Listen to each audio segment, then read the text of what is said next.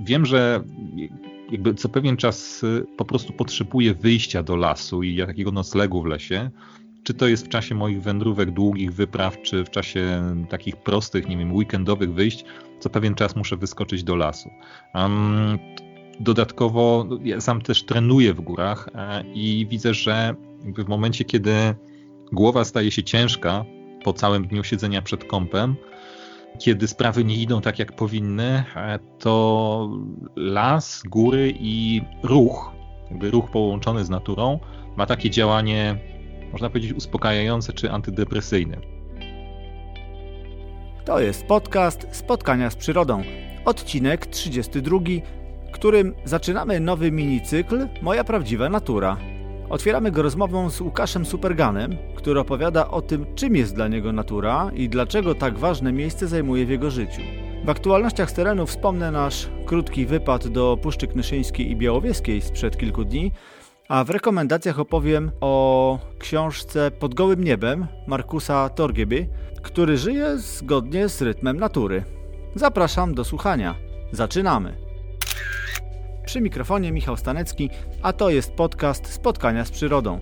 W audycji poruszam tematy ważne dla miłośników przyrody, obserwatorów, fotografów i pasjonatów innych terenowych aktywności związanych z przyrodą. Rozmawiam z gośćmi, czasem zawodowcami, czasem amatorami, ale zawsze z zamiłowania przyrodnikami, specjalistami z różnych dziedzin. Jeśli chcesz odpowiedzialnie obcować z naturą, lepiej ją rozumiejąc, jeśli chcesz być skuteczniejszym obserwatorem i świadomie robić zdjęcia, to ten podcast jest dla Ciebie. Z audycji dowiesz się również, jak możesz reprezentować i chronić przyrodę. Zapraszam do słuchania.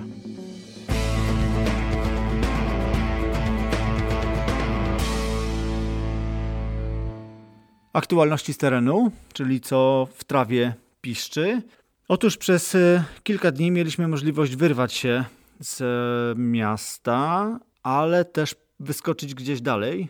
Tym razem wypuściliśmy się do Puszczy Knyszyńskiej. Tam spędziliśmy cztery dni. Mieszkaliśmy w takiej ciekawej wsi na uboczu, która, e, która otoczona jest jeszcze, jeszcze lasami. Mówię jeszcze, bo, bo w Puszczy Knyszyńskiej tych lasów naprawdę szybko ubywa i, i w zasadzie poza e, terenami rezerwatowymi to nie wiem, czy coś w ogóle zostanie niedługo, bo tempo prac jest, jest porażające.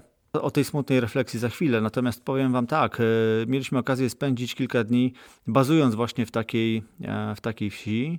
Mieszkaliśmy w starym domu, bardzo, bardzo klimatyczny, w którym gościliśmy u sympatycznej dziewczyny, która była naszą gospodynią. Piekła dla nas fantastyczny chleb, czy, czy przygotowywała, nie wiem, humus albo jakieś inne historie. Było to naprawdę fajne, urocze i bardzo klimatyczne. Paliliśmy w piecu kaflowym. Naprawdę niesamowita, niesamowita historia. E, bardzo wcześnie rano budziły nas ptaki. Pleszka, która siedziała na drzewie dosłownie za, za oknem. E, sikory, które rozrabiały. Za szopą po drugiej stronie dróżki odzywał się śpiewający, czy nawołujący może raczej krętogłów. Śpiewaki dookoła, no dużo zresztą innych leśnych ptaków. To było naprawdę e, niesamowite. Przez te cztery dni wędrowaliśmy intensywnie po Puszczy Knyszyńskiej. Zresztą przez pięć dni przeszliśmy 111 km, co dawało nam średnią dzienną 23. Całkiem, całkiem nieźle się złaziliśmy. Oczywiście możliwości mieliśmy graniczone, bo były z nami psy, więc poruszaliśmy się albo gdzieś granicami rezerwatów, albo przez te rezerwaty, jeżeli były tam udostępnione drogi, przez które, po których można było przejść. I na tej zasadzie odkrywaliśmy Puszczę Knyszyńską. Udało nam się zobaczyć przez te cztery dni 66 gatunków ptaków, w tym kilka nowych i bardzo ważnych. Zobaczyliśmy wreszcie dzięcioła trójpalczastego. To był dla nas taki e, mityczny gatunek, duch, który do tej pory nie istniał, nie chciał się pokazać, mimo tego, że wiele razy byliśmy w miejscach, w których te dzięcioły występują. No nigdy nie mieliśmy szczęścia, żeby go wytropić. Teraz udało nam się obserwować dzięcioły trójpalczaste zarówno w Puszczy Knyszyńskiej, jak i w Puszczy Białowieskiej. To niesamowita sprawa. Widzieliśmy dzięcioła białogrzbietego. To też e, bardzo rzadki gatunek, który dał nam dużą frajdę dzięcioła zielono-siwego, wspomnianego krętogłowa. Wszystkie te gatunki dopisujemy zresztą do naszej listy w ramach Wielkiego Roku. Widzieliśmy na niebie orlika y, krzykliwego. No i z mniejszych ptaków odzywały się pokrzywnica, E, pierwsza brzęczka, słychać było świstunkę leśną, świergotka polnego, właśnie wspomnianą pleszkę, która śpiewała koło naszego domu, ale też y, usłyszeliśmy pierwszą kukułkę i charakterystyczne loty y, tokowe krzyka z tym brzęczeniem, takim barankowym brzęczeniem jego, jego wibrujących piórek. Jadąc z Puszczy Knyszyńskiej do Puszczy Białowieskiej, gdzie spędziliśmy jeden dzień, w zasadzie przeszliśmy jeden ze szlaków, poszliśmy sobie szlakiem do Carskiej Tropiny i do Kosego Mostu i tam też udało nam się zobaczyć właśnie dzięcioła trójpalczastego. W teremiskach widzieliśmy dzięcioła zielonosiwego i przy takim charakterystycznym mostku właśnie na wjeździe do teremisek udało się zobaczyć e, białogrzbietego, czyli tak te obserwacje się mniej więcej e, prezentowały. Z listą naszych ptaków w tym roku dobiliśmy do 147 już gatunków, natomiast no, bezapelacyjnie cieszą dzięcioły, bo w zasadzie przez te 5 dni widzieliśmy nie widzieliśmy z naszych polskich dzięciołów tylko dzięcioła białoszyjego, zwanego syryjskim, a pozostałe udało się odhaczyć. No ale obserwacja, podwójna obserwacja trójpalczaka, rewelacja. Nie była to fotograficzna obserwacja, czyli nie było możliwości za bardzo go fotografować, ale już na lornetkę super, super e, sprawa. Widzieliśmy w e, Puszczy Knyszyńskiej mnóstwo tropów i śladów innych zwierząt, e, babrzyska z e, odgniecionymi, że tak powiem, kształtami zwierząt, z resztkami sierści. Widzieliśmy mnóstwo tropów jeleni, łosi, saren, dzików. Widzieliśmy odchody wilków, które też świadczyły o ich obecności, czy ślady na, na drzewach. Mało tego, podczas jednej z nocy, czy w zasadzie na starcie tej nocy, kiedy wyszedł księżyc, była to pełnia, poszliśmy na taki nocny spacer po puszczy, po puszczy. Liczyliśmy na Włochatkę, nie udało się e, trafić, natomiast była to naprawdę fajna, taka z dreszczykiem e, wyprawa, bo mm, noc była bardzo jasna, świecił księżyc, który naprawdę oświetlał to specyficznym tym swoim srebrnym światłem. Rzucaliśmy cienie, drzewa rzucały cienie, to było w ogóle niesamowite. No i odzywała się uszatka, a jednocześnie z nią z dwóch różnych kierunków dobiegało nas wycie wilków. No to wyobraźcie sobie, y, jak to był klimatyczny spacer. Naprawdę niesamowita, niesamowita sprawa. Krótki wypad, bardzo intensywny, taki, taki wędrówkowo-spacerowy. Umęczyliśmy się fizycznie, ale psychicznie totalny odjazd, pełny relaks, y, super tereny. W Puszczach Obu jest sporo wody, w wielu miejscach y, na szlakach obowiązują kalosze jest trochę błota, mm, no ale o Olsy, w ogóle mokre lasy, y, bagna, no świetna, świetna sprawa. Mm, dużo ptaków się odzywało, naprawdę. No, oczywiście dominowały, non stop było słychać zięby, mnóstwo rudzików. No, rano, wieczorem też śpiewaki bardzo aktywne, to te, które tak na ilość. Natomiast no, kilku też się nie udało. Nie usłyszeliśmy, nie zobaczyliśmy jarząbka chociażby, na którego liczyliśmy, czy, czy orzechówki. No ale po raz kolejny powtórzę, ucztą była obserwacja dzięcioła trójpalczastego i to był, e, to był ewidentnie hit tej, tej wycieczki. Za e, podpowiedzi w kwestii tych miejsc, e, które warto odwiedzić w Parku Krajobrazowym Puszczy Knyszyńskiej dziękuję Sławkowi Kusewiczowi, który fantastycznie obrazuje Puszczę Knyszyńską na Facebooku. Poszukajcie albo, albo też zalinkuję w notatkach do, do tego odcinka. A na koniec jeszcze ta kropelka e, dziegciu do, do, do beczki miodu, czyli cięcia no po prostu wygląda to, to przerażająco i e, dzieje się to tak, że po jednej stronie dróżki leśnej mamy rezerwat, stoi czerwona tablica, no i na granicy tego rezerwatu już widać bałagan i to, co zostaje po ścińce, natomiast po drugiej stronie drogi jest to, totalna wycinka, totalna dewastacja. Wiecie, jak wyglądają te szybkie, te szybkie cięcia w lasach i jakie po sobie zostawiają spustoszenie, czyli znowu rozjeżdżone drogi, znowu pokaleczone drzewa, no i właśnie te, te nieogarnięte ślady maszyn, sprzętu i tych prac leśnych. Także to bardzo dołująca kwestia. Żadnych otulin dookoła tych rezerwatów, po prostu cięcia po granicy, dokładnie do czerwonej tablicy. Na ścieżkach dydaktycznych, edukacyjnych, przyrodniczych cięcia, po prostu cięcia, cięcia, cięcia. Y, zwracałem na to uwagę miejscowi, których też to boli, których też to wkurza. No źle się dzieje, naprawdę ta puszcza, ta puszcza też jest y, pocięta niesamowicie i to wszystko znika w oczach. Niedługo zostaną jak takie placki, rezerwaty i po prostu nic, nic y, poza, poza tym. Wrzucę trochę zdjęć ilustrujących tą wycieczkę do, do, do, do puszczy. Do, w notatkach do odcinka to pewnie tylko małą zajawkę, natomiast poświęcę temu osobny wpis na moim blogu, więc postaram się Wam pokazać, jak my to tam widzieliśmy. Nie miałem ze sobą teleobiektywu. Kilka zdjęć, zbliżeń dzięciołów zrobiłem ogniskową 100 Natomiast y, raczej skupiłem się na zdjęciach szerokim kątem, y, typowo krajobrazowych, mm, dokumentujących te nasze puszczańskie obserwacje i to się postaram Wam e, pokazać. Dwie sprawy takie bieżące, powiedziałbym, z aktualności.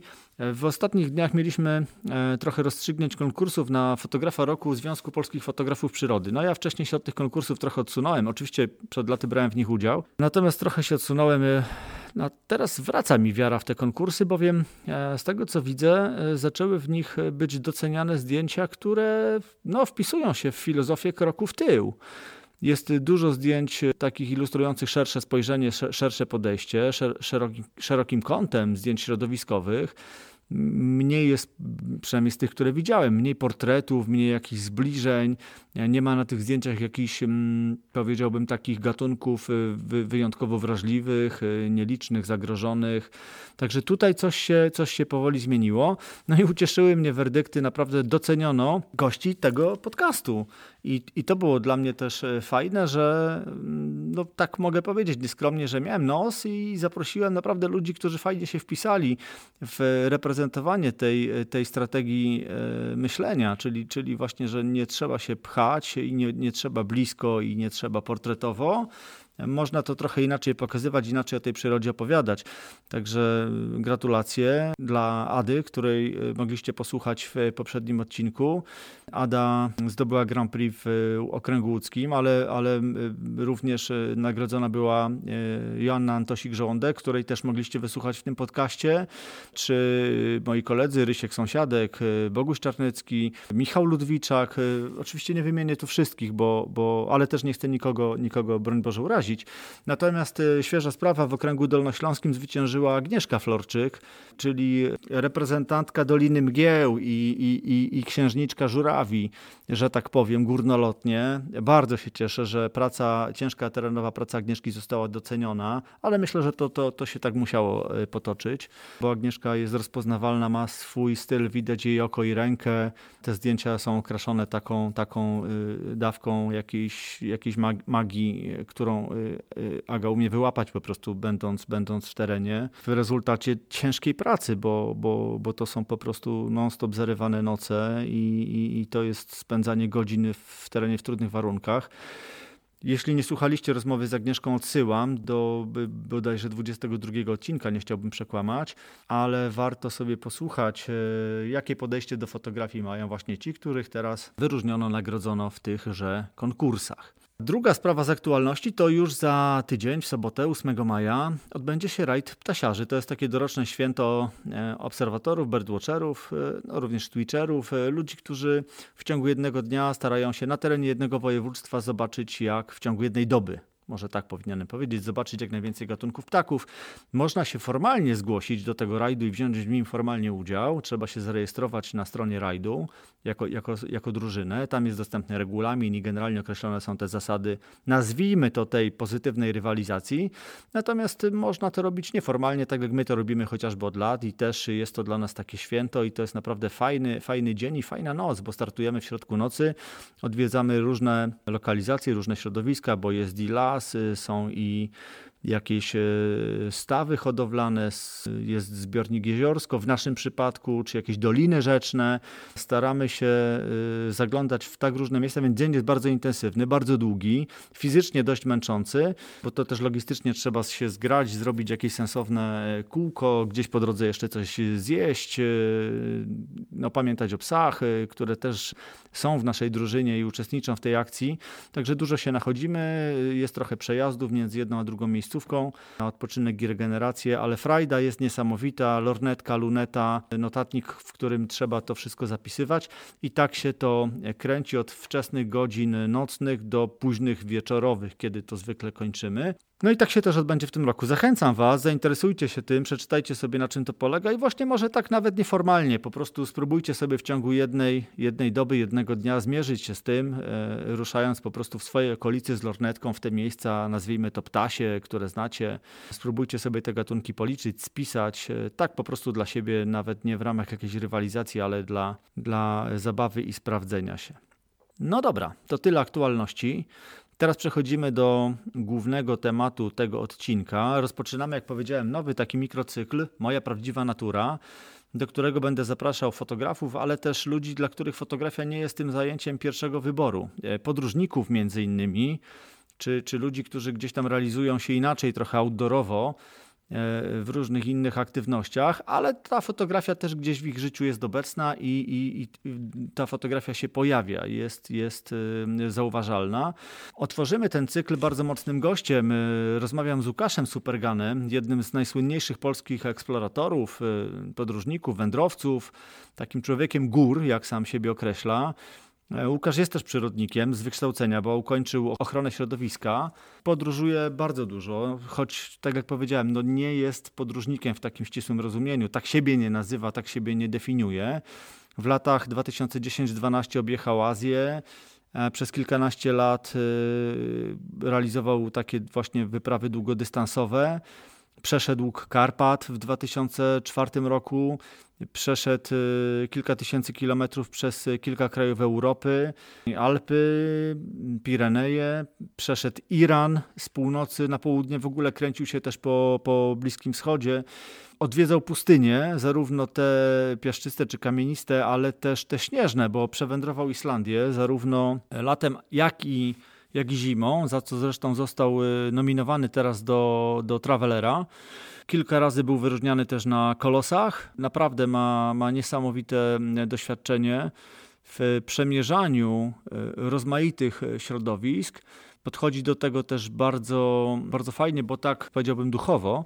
No i właśnie, czasami jest tak, że w wywiadach, w rozmowach e, Łukasz pytany jest głównie o kwestie techniczne, o treningi, o wyposażenie, sprzęt, e, o to, jakie buty, co ze sobą na wyprawę, namiot, tarp, śpiwór, e, picie, jedzenie, prowiant. A przecież jego życiem jest przyroda, od której nie da się go odkleić, nie da się go oderwać i pomyślałem sobie, że to byłoby niesamowite móc go o to zapytać i to właśnie uczyniłem. Rozmawiam z Łukaszem, który jest również takim aktywistą ekologicznym, na co dzień mieszkającym na Podhalu. W wolnym czasie, cudzysłowie oczywiście wolnym czasie, kiedy nie jest na wyprawach, pisze, pisze artykuły, napisał książki, wspomnę o tym w rekomendacjach. Zresztą sam opowie nam o swojej nowej książce, która, która niebawem się ukaże. A w czasie naszej rozmowy rozmawiamy o przeżywaniu natury, o byciu jej częścią, ale też o byciu sam na sam ze sobą podczas długich wędrówek, o byciu w ciszy o tym, czego podróże uczą, jakie znaczenie ma dla naszego gatunku bioróżnorodność, na której opiera się nasza przyszłość.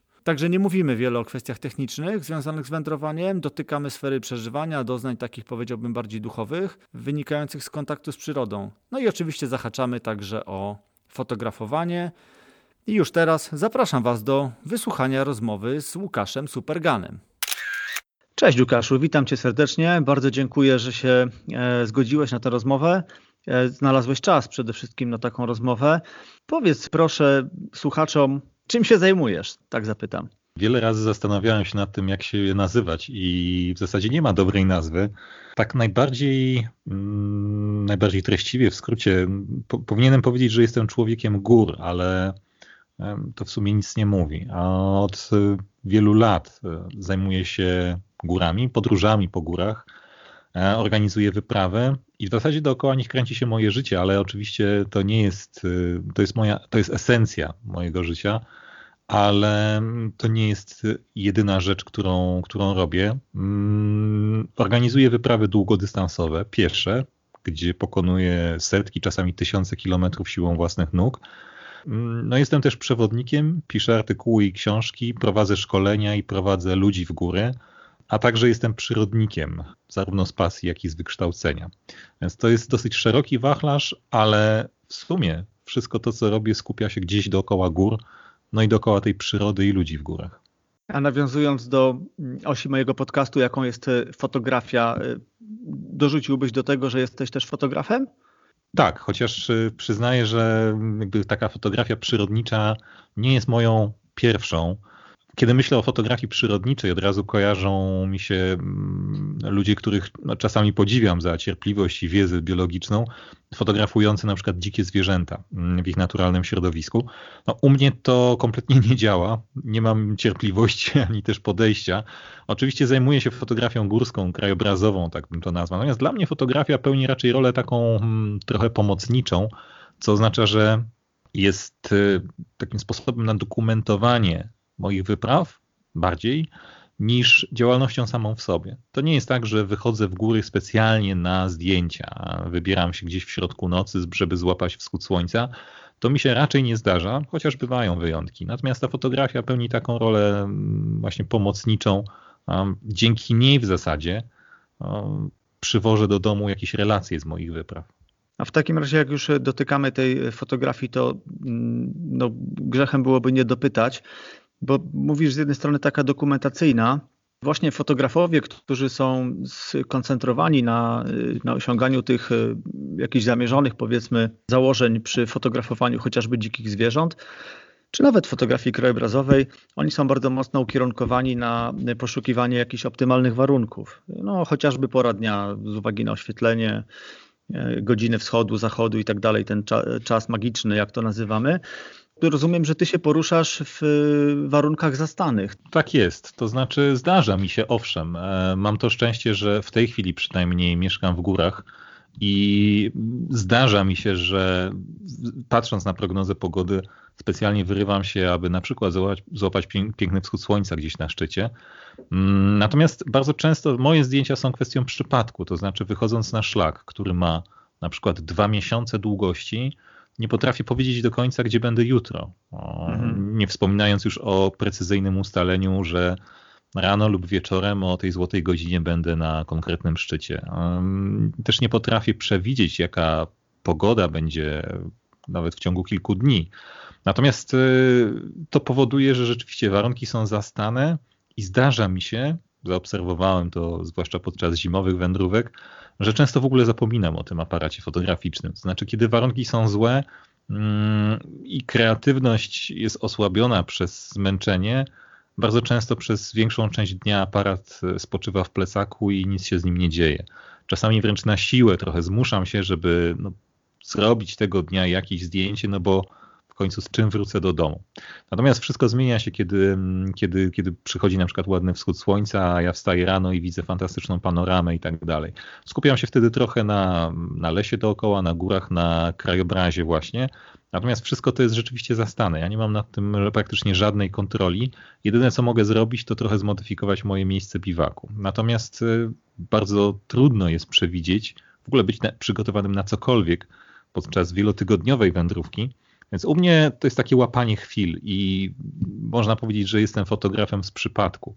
I tym przypadkiem jest moment, kiedy trafię na dobre warunki, e, więc nie kontroluję tego oczywiście w żaden sposób, ale też nie staram się jakoś bardzo na przykład modyfikować moich tras, moich wędrówek, e, żeby specjalnie złapać jakąś chwilę.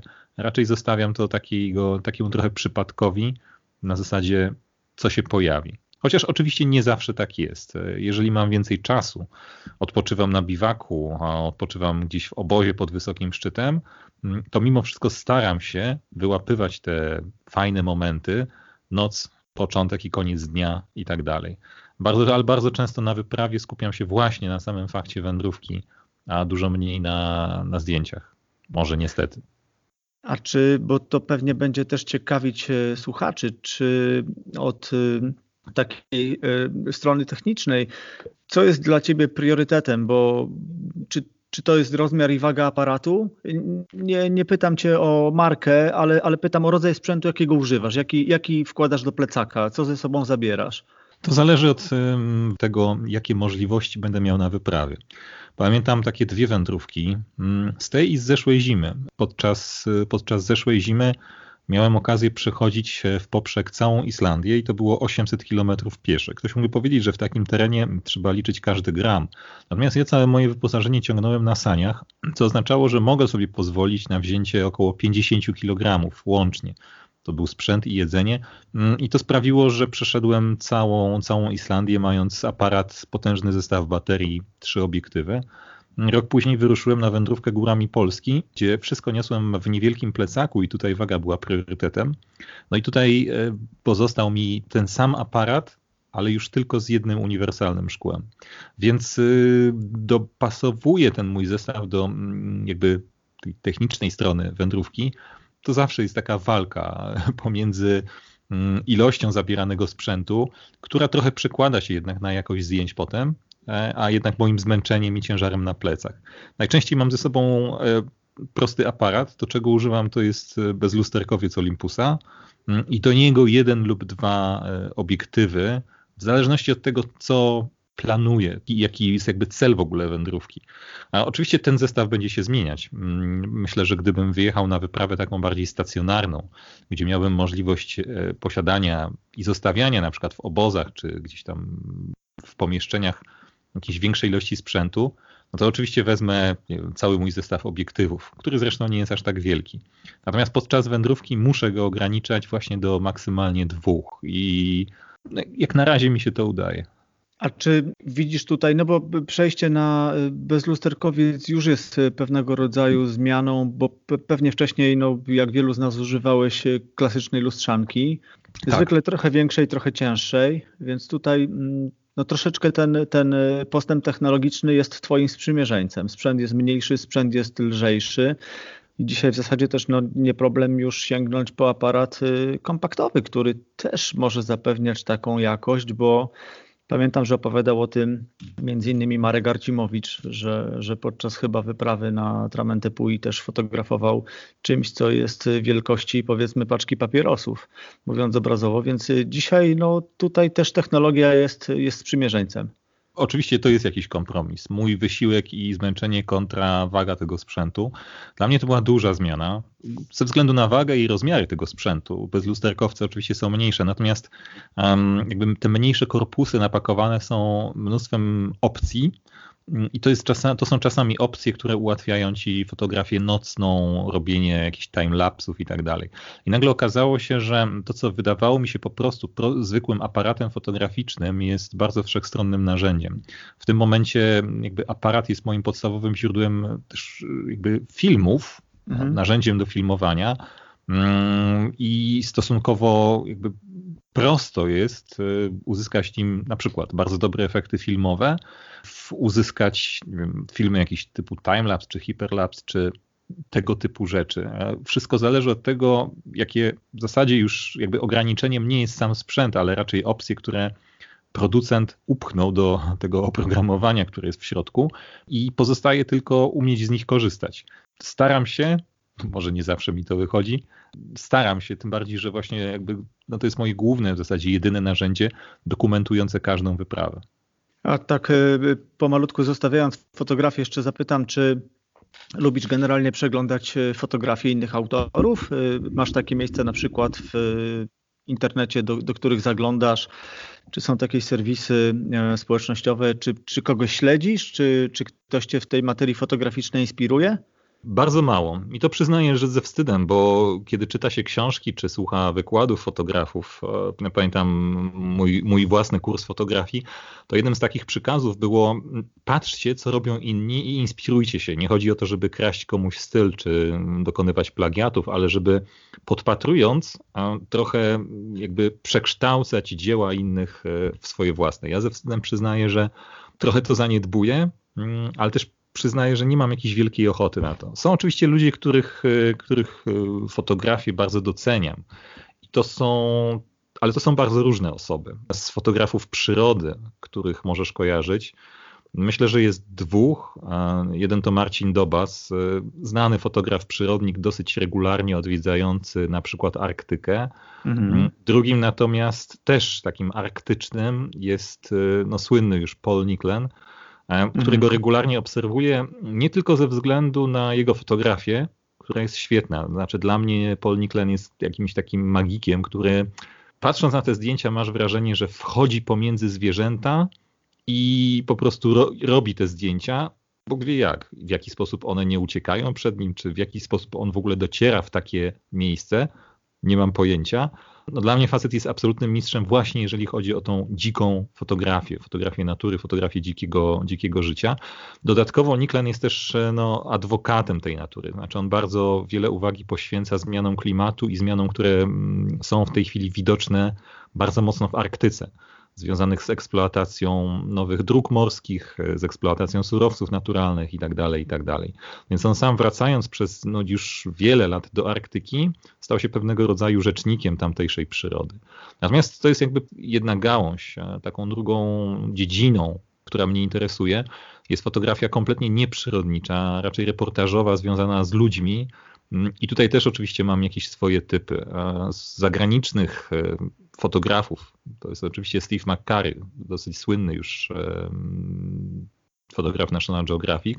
Z polskich fotografów taką osobą jest kilka osób, które, które obserwuję.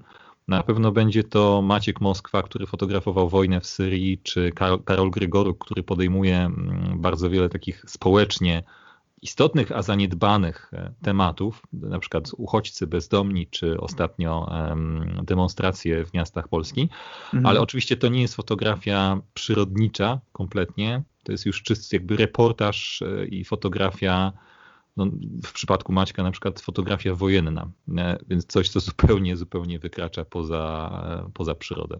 Teraz pozwolisz, że przejdę do sedna sprawy, bo Słuchałem wielokrotnie wywiadów z Łukaszem Superganem, słuchałem e, różnych podcastów i bardzo często jest tak, że dominują kwestie albo samych wyczynów, czyli tych wypraw po prostu, które podejmujesz i, i, i jednak one zwykle mają w sobie no, taką wyjątkowość y, y, podjęcia no, dużego wyzwania. I to już samo jest tematem. Druga sprawa to są technikalia i, i nawet ostatnio słuchałem a, chyba podcastu Górskiego, gdzie też była cała seria pytań technicznych i, i no ja oczywiście rozumiem, że ludzi to bardzo e, interesuje. Jaki plecak, jakie buty na taką trasę, na taką trasę, a w góry, a na zimę, a kuchenka, prawda, namiot czy tarp. E, no to są, to są rzeczy, które chociażby w tej ostatniej rozmowie dominowały dominowały.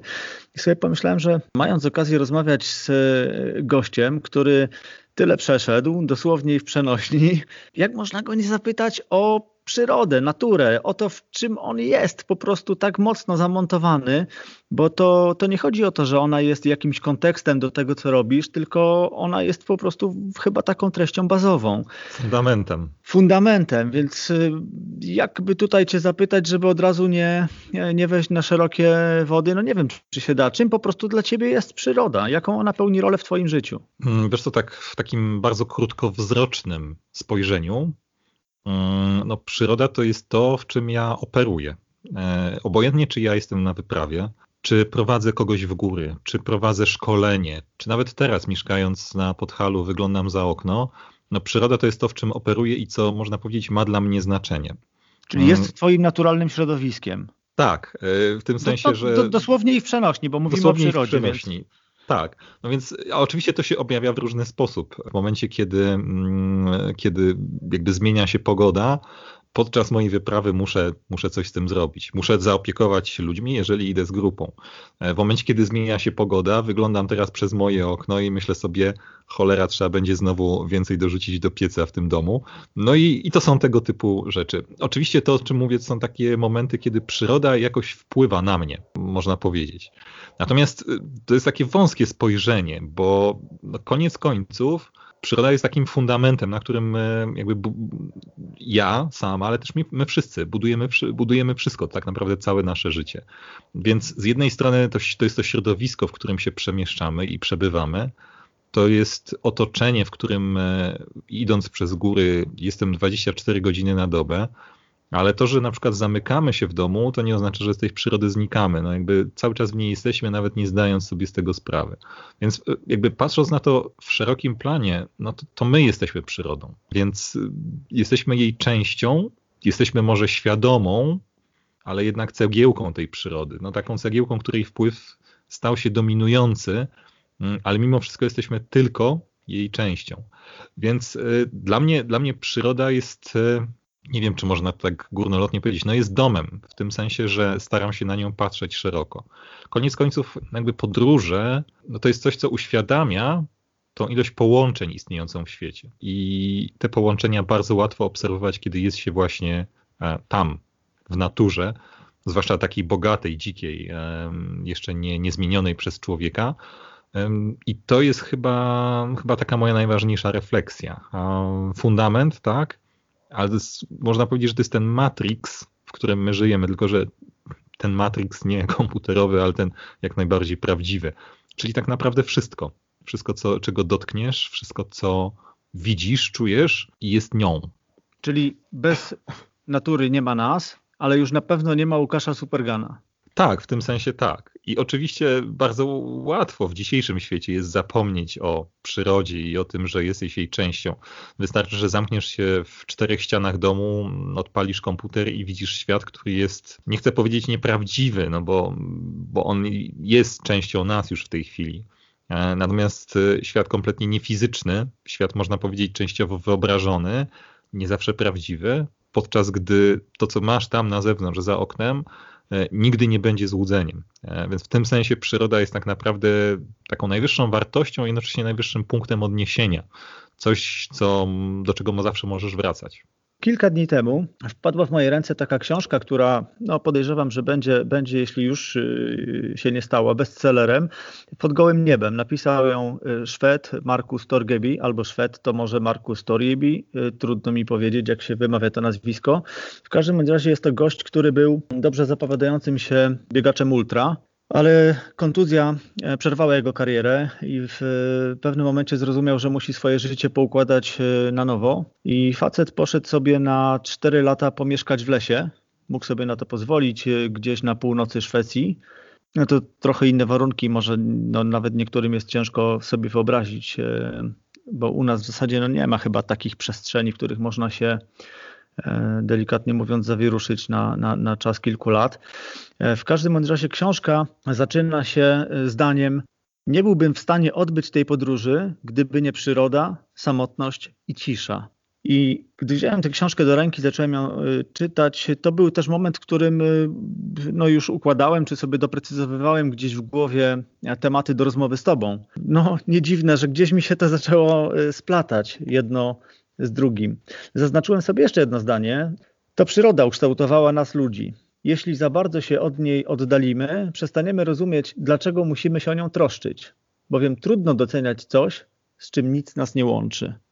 Tak, Kurczę, bardzo dobrze powiedziane. Moc, mocna taka pigułeczka, która y, no, bije bardzo mocno w głowę, nie? otwiera gdzieś tam klapki do, do, do myślenia o tym, gdzie dzisiaj jesteśmy. Także jak powiedziałeś, że wszyscy jesteśmy tą częścią przyrody, no to mam wrażenie, że wielu ludzi niestety o tym dzisiaj nie pamięta. Bardzo się cieszę, że są wśród nas ludzie, którzy mają jakąś misję w sobie do, do, do wykonania i tak jak powiedziałeś w kontekście chociażby fotografa, który może być takim ambasadorem, który może reprezentować przyrodę, może reprezentować naturę. Jak jest w przypadku tych Twoich projektów, tak to nazwijmy, które realizujesz? Bo, bo tak jak powiedziałem, no natura nie jest y, chyba tylko tłem, tylko jest gdzieś zawsze no, istotą tak naprawdę, nie? Tym takim ogniem, y, który, który gdzieś tam się y, pali w tobie. No, przez długi czas to było bardzo rozdzielone. Jakby moje, moje tło jakby życiowe jest mocno przyrodnicze, bo kiedy ktoś pyta, kim jestem no, z zawodu, pasja i prasa to w tej chwili góry, natomiast gdybym miał opisać moje wykształcenie, to jestem przyrodnikiem albo mógłbym powiedzieć prościej biologiem i geografem, e, bo ukończyłem ochronę środowiska. Więc e, trudno trochę nazwać mój zawód, ale biologia i geografia to są takie dwa jakby nierozdzielne elementy, które, które łączę w sobie, mhm. ale przez długi czas podróżując, można powiedzieć, że rozdzielałem to kompletnie. Z jednej strony ochrona środowiska było moją pracą, zawodową też, była moją pasją, a wyprawy były gdzieś e, z boku. Natomiast im dłużej jestem w górach, mm, im częściej jakby spotykam się z ludźmi chodzącymi w góry, tym bardziej widzę, że nie mogę sobie pozwolić na, na rozdzielenie tych rzeczy. I takim momentem był, e, myślę, że to był gdzieś zesz, zeszły rok, być może był takim prawdziwym, prawdziwym początkiem, kiedy mm, jakby po długim namyśle e, zdecydowałem się na, to nawet nie nazwę tego wyprawą, na wędrówkę dookoła Puszczy Białowieskiej. I to była rzecz bardzo dziwna, rzecz, której nigdy wcześniej bym nie zrobił. To znaczy, mm, wziąłem do ręki mapę Puszczy Białowieskiej i obszedłem ją naokoło, zataczając prawie pełny krąg dookoła puszczy. I wytyczyłem tym samym linię, która mogłaby być granicą powiększonego parku narodowego. Od wielu lat, już od dekad tak naprawdę, mówi się o powiększeniu parku narodowego z stosunkowo małego obszaru puszczy na cały teren tego lasu. Mhm. I również naukowcy tam pracujący mówią o tym i o tej potrzebie. No to była wędrówka już z wyraźnie zaznaczoną misją, bo od razu wiedziałem, że jej temat to będzie właśnie Puszcza i Park Narodowy i dlaczego ona jeszcze nim nie jest. A podczas tej wędrówki mm, realizowałem spotkania z ludźmi, którzy w puszczy pracują. To byli przyrodnicy, to był na przykład naukowiec z PANU, to była lokalna przewodniczka czy dziennikarz Adam Wajrak i nasze rozmowy, które potem, potem opracowywałem w formie takich wywiadów. I to był chyba taki początek, można powiedzieć, że bardzo późno, jeżeli to był zeszły rok, ale był to taki początek myślenia o tym, że nie wystarczy, że po prostu będę mówić o ochronie przyrody, ale to przy okazji tego chodzenia po górach. Sądzę, że muszę to łączyć i to łączyć coraz mocniej. Szukam takiej formuły, takiego sposobu na to, żeby nienachalnie, ale jednak z sercem e, mówić o tej ochronie przyrody moim czytelnikom, moim odbiorcom. I ostatnia wędrówka to była wędrówka zimą przez całe góry Polski, nawet to pogłębiła. Znaczy, miałem okazję oglądać, zwłaszcza w Sudetach, mm, to w jaki sposób e, zagospodarowywane są polskie lasy, to jak często są one po prostu wycinane w miejscach, gdzie las osiągnął już swoją dojrzałość. I był to dla mnie taki punkt, gdzie naprawdę stanąłem w miejscu, zacząłem się drapać w brodę i stwierdziłem, w tym momencie trudno jest zachować neutralność e, w tym temacie. Więc to połączenie jest we mnie chyba coraz mocniejsze. Natomiast e, w jaki sposób e, właśnie tworzyć tą narrację, to opowiadanie o przyrodzie, tak żeby no nie być tą Kasandrą, nie, nie, nie być wieszczem złych mm -hmm. wieści, a z drugiej strony robić to, robić to dobrze, można powiedzieć, że robić to pozytywnie, to znaczy przekazując też dobre informacje, nie jest to łatwe. Wiesz, to, to do czego nawiązałeś, że podczas y, wędrówki mm, widujesz po prostu takie miejsca, obok których nie da się przejść obojętnie. I myślę, że ma to ogromne znaczenie, bo do pewnego momentu może nie rzucało się to tak bardzo w oczy, natomiast od kilku lat y, doświadczamy tego. Ja nie wiem, czy są w Polsce teraz jeszcze takie miejsca, w których y, można tego nie zobaczyć. No ja też y, staram się dosyć dużo podróżować, kręcić się po, po różnych ciekawych przyrodniczych miejscach w Polsce na przestrzeni tych ostatnich kilku lat naprawdę nie ma, nie ma miejsca, w którym nie widziałbym wycinek intensywnych, zakrawających też często, no niestety dalej, ocierających się wręcz o dewastację e, tych środowisk leśnych, bo, bo nie boję się powiedzieć tego w ten sposób. Więc e, no, naprawdę dzisiaj jest ciężko już, yy, znaczy nie twierdzę, że, że my to kiedykolwiek robiliśmy, ale no nie da się odwrócić głowy i udawać, że tego, tego obok nas nie ma. Ja twoją, twój spacer dookoła puszczy mm, już relacjonowałem w jednym z odcinków, bo ja zacząłem nadawać rok temu i, i no to już jakby splotło razem, że w tym czasie, kiedy ja robiłem któryś z odcinków, ty szedłeś dookoła puszczy. Tak.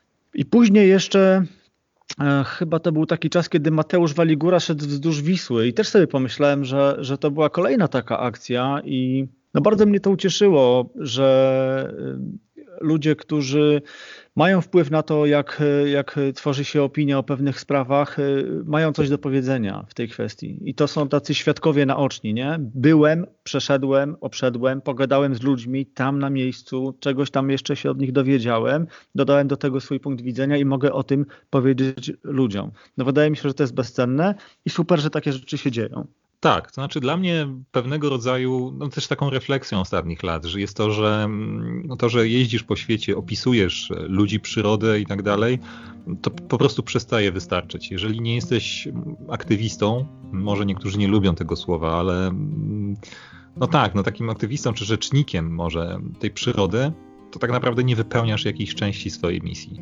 Więc dla mnie w tej chwili istotne jest, żeby trochę włączać w moje górskie opowieści również ten, ten pierwiastek i myślę, że będę go włączać coraz, coraz częściej.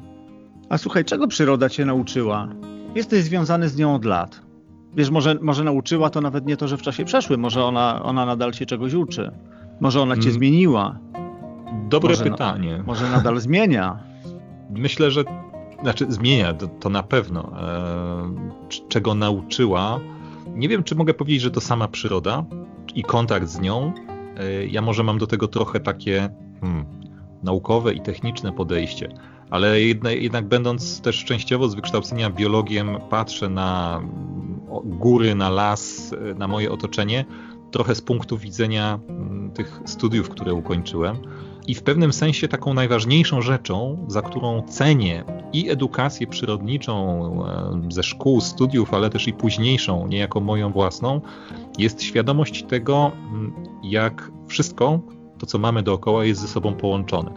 I to, co, to o czym wspomniałem na starcie, że to my jesteśmy przyrodą, to jest, to jest pewien punkt wyjścia, ale podróże, wędrówki górskie uświadamiają i uświadamiały mi tą ilość połączeń, jaką mamy między sobą i uświadamiają też, jak bardzo często, i tutaj wchodzimy trochę głębiej, zrywając te połączenia, zrywamy tą całą siatkę, która odpowiada za różnorodność. Pamiętam taką, e, pamiętam taką refleksję, którą wyniosłem z, mm, jakby ze studiów biologicznych, dotyczącą tego, że to jest bardzo proste zdanie, ale ono moim zdaniem jest fundamentalne dla zrozumienia tego świata, w którym żyjemy.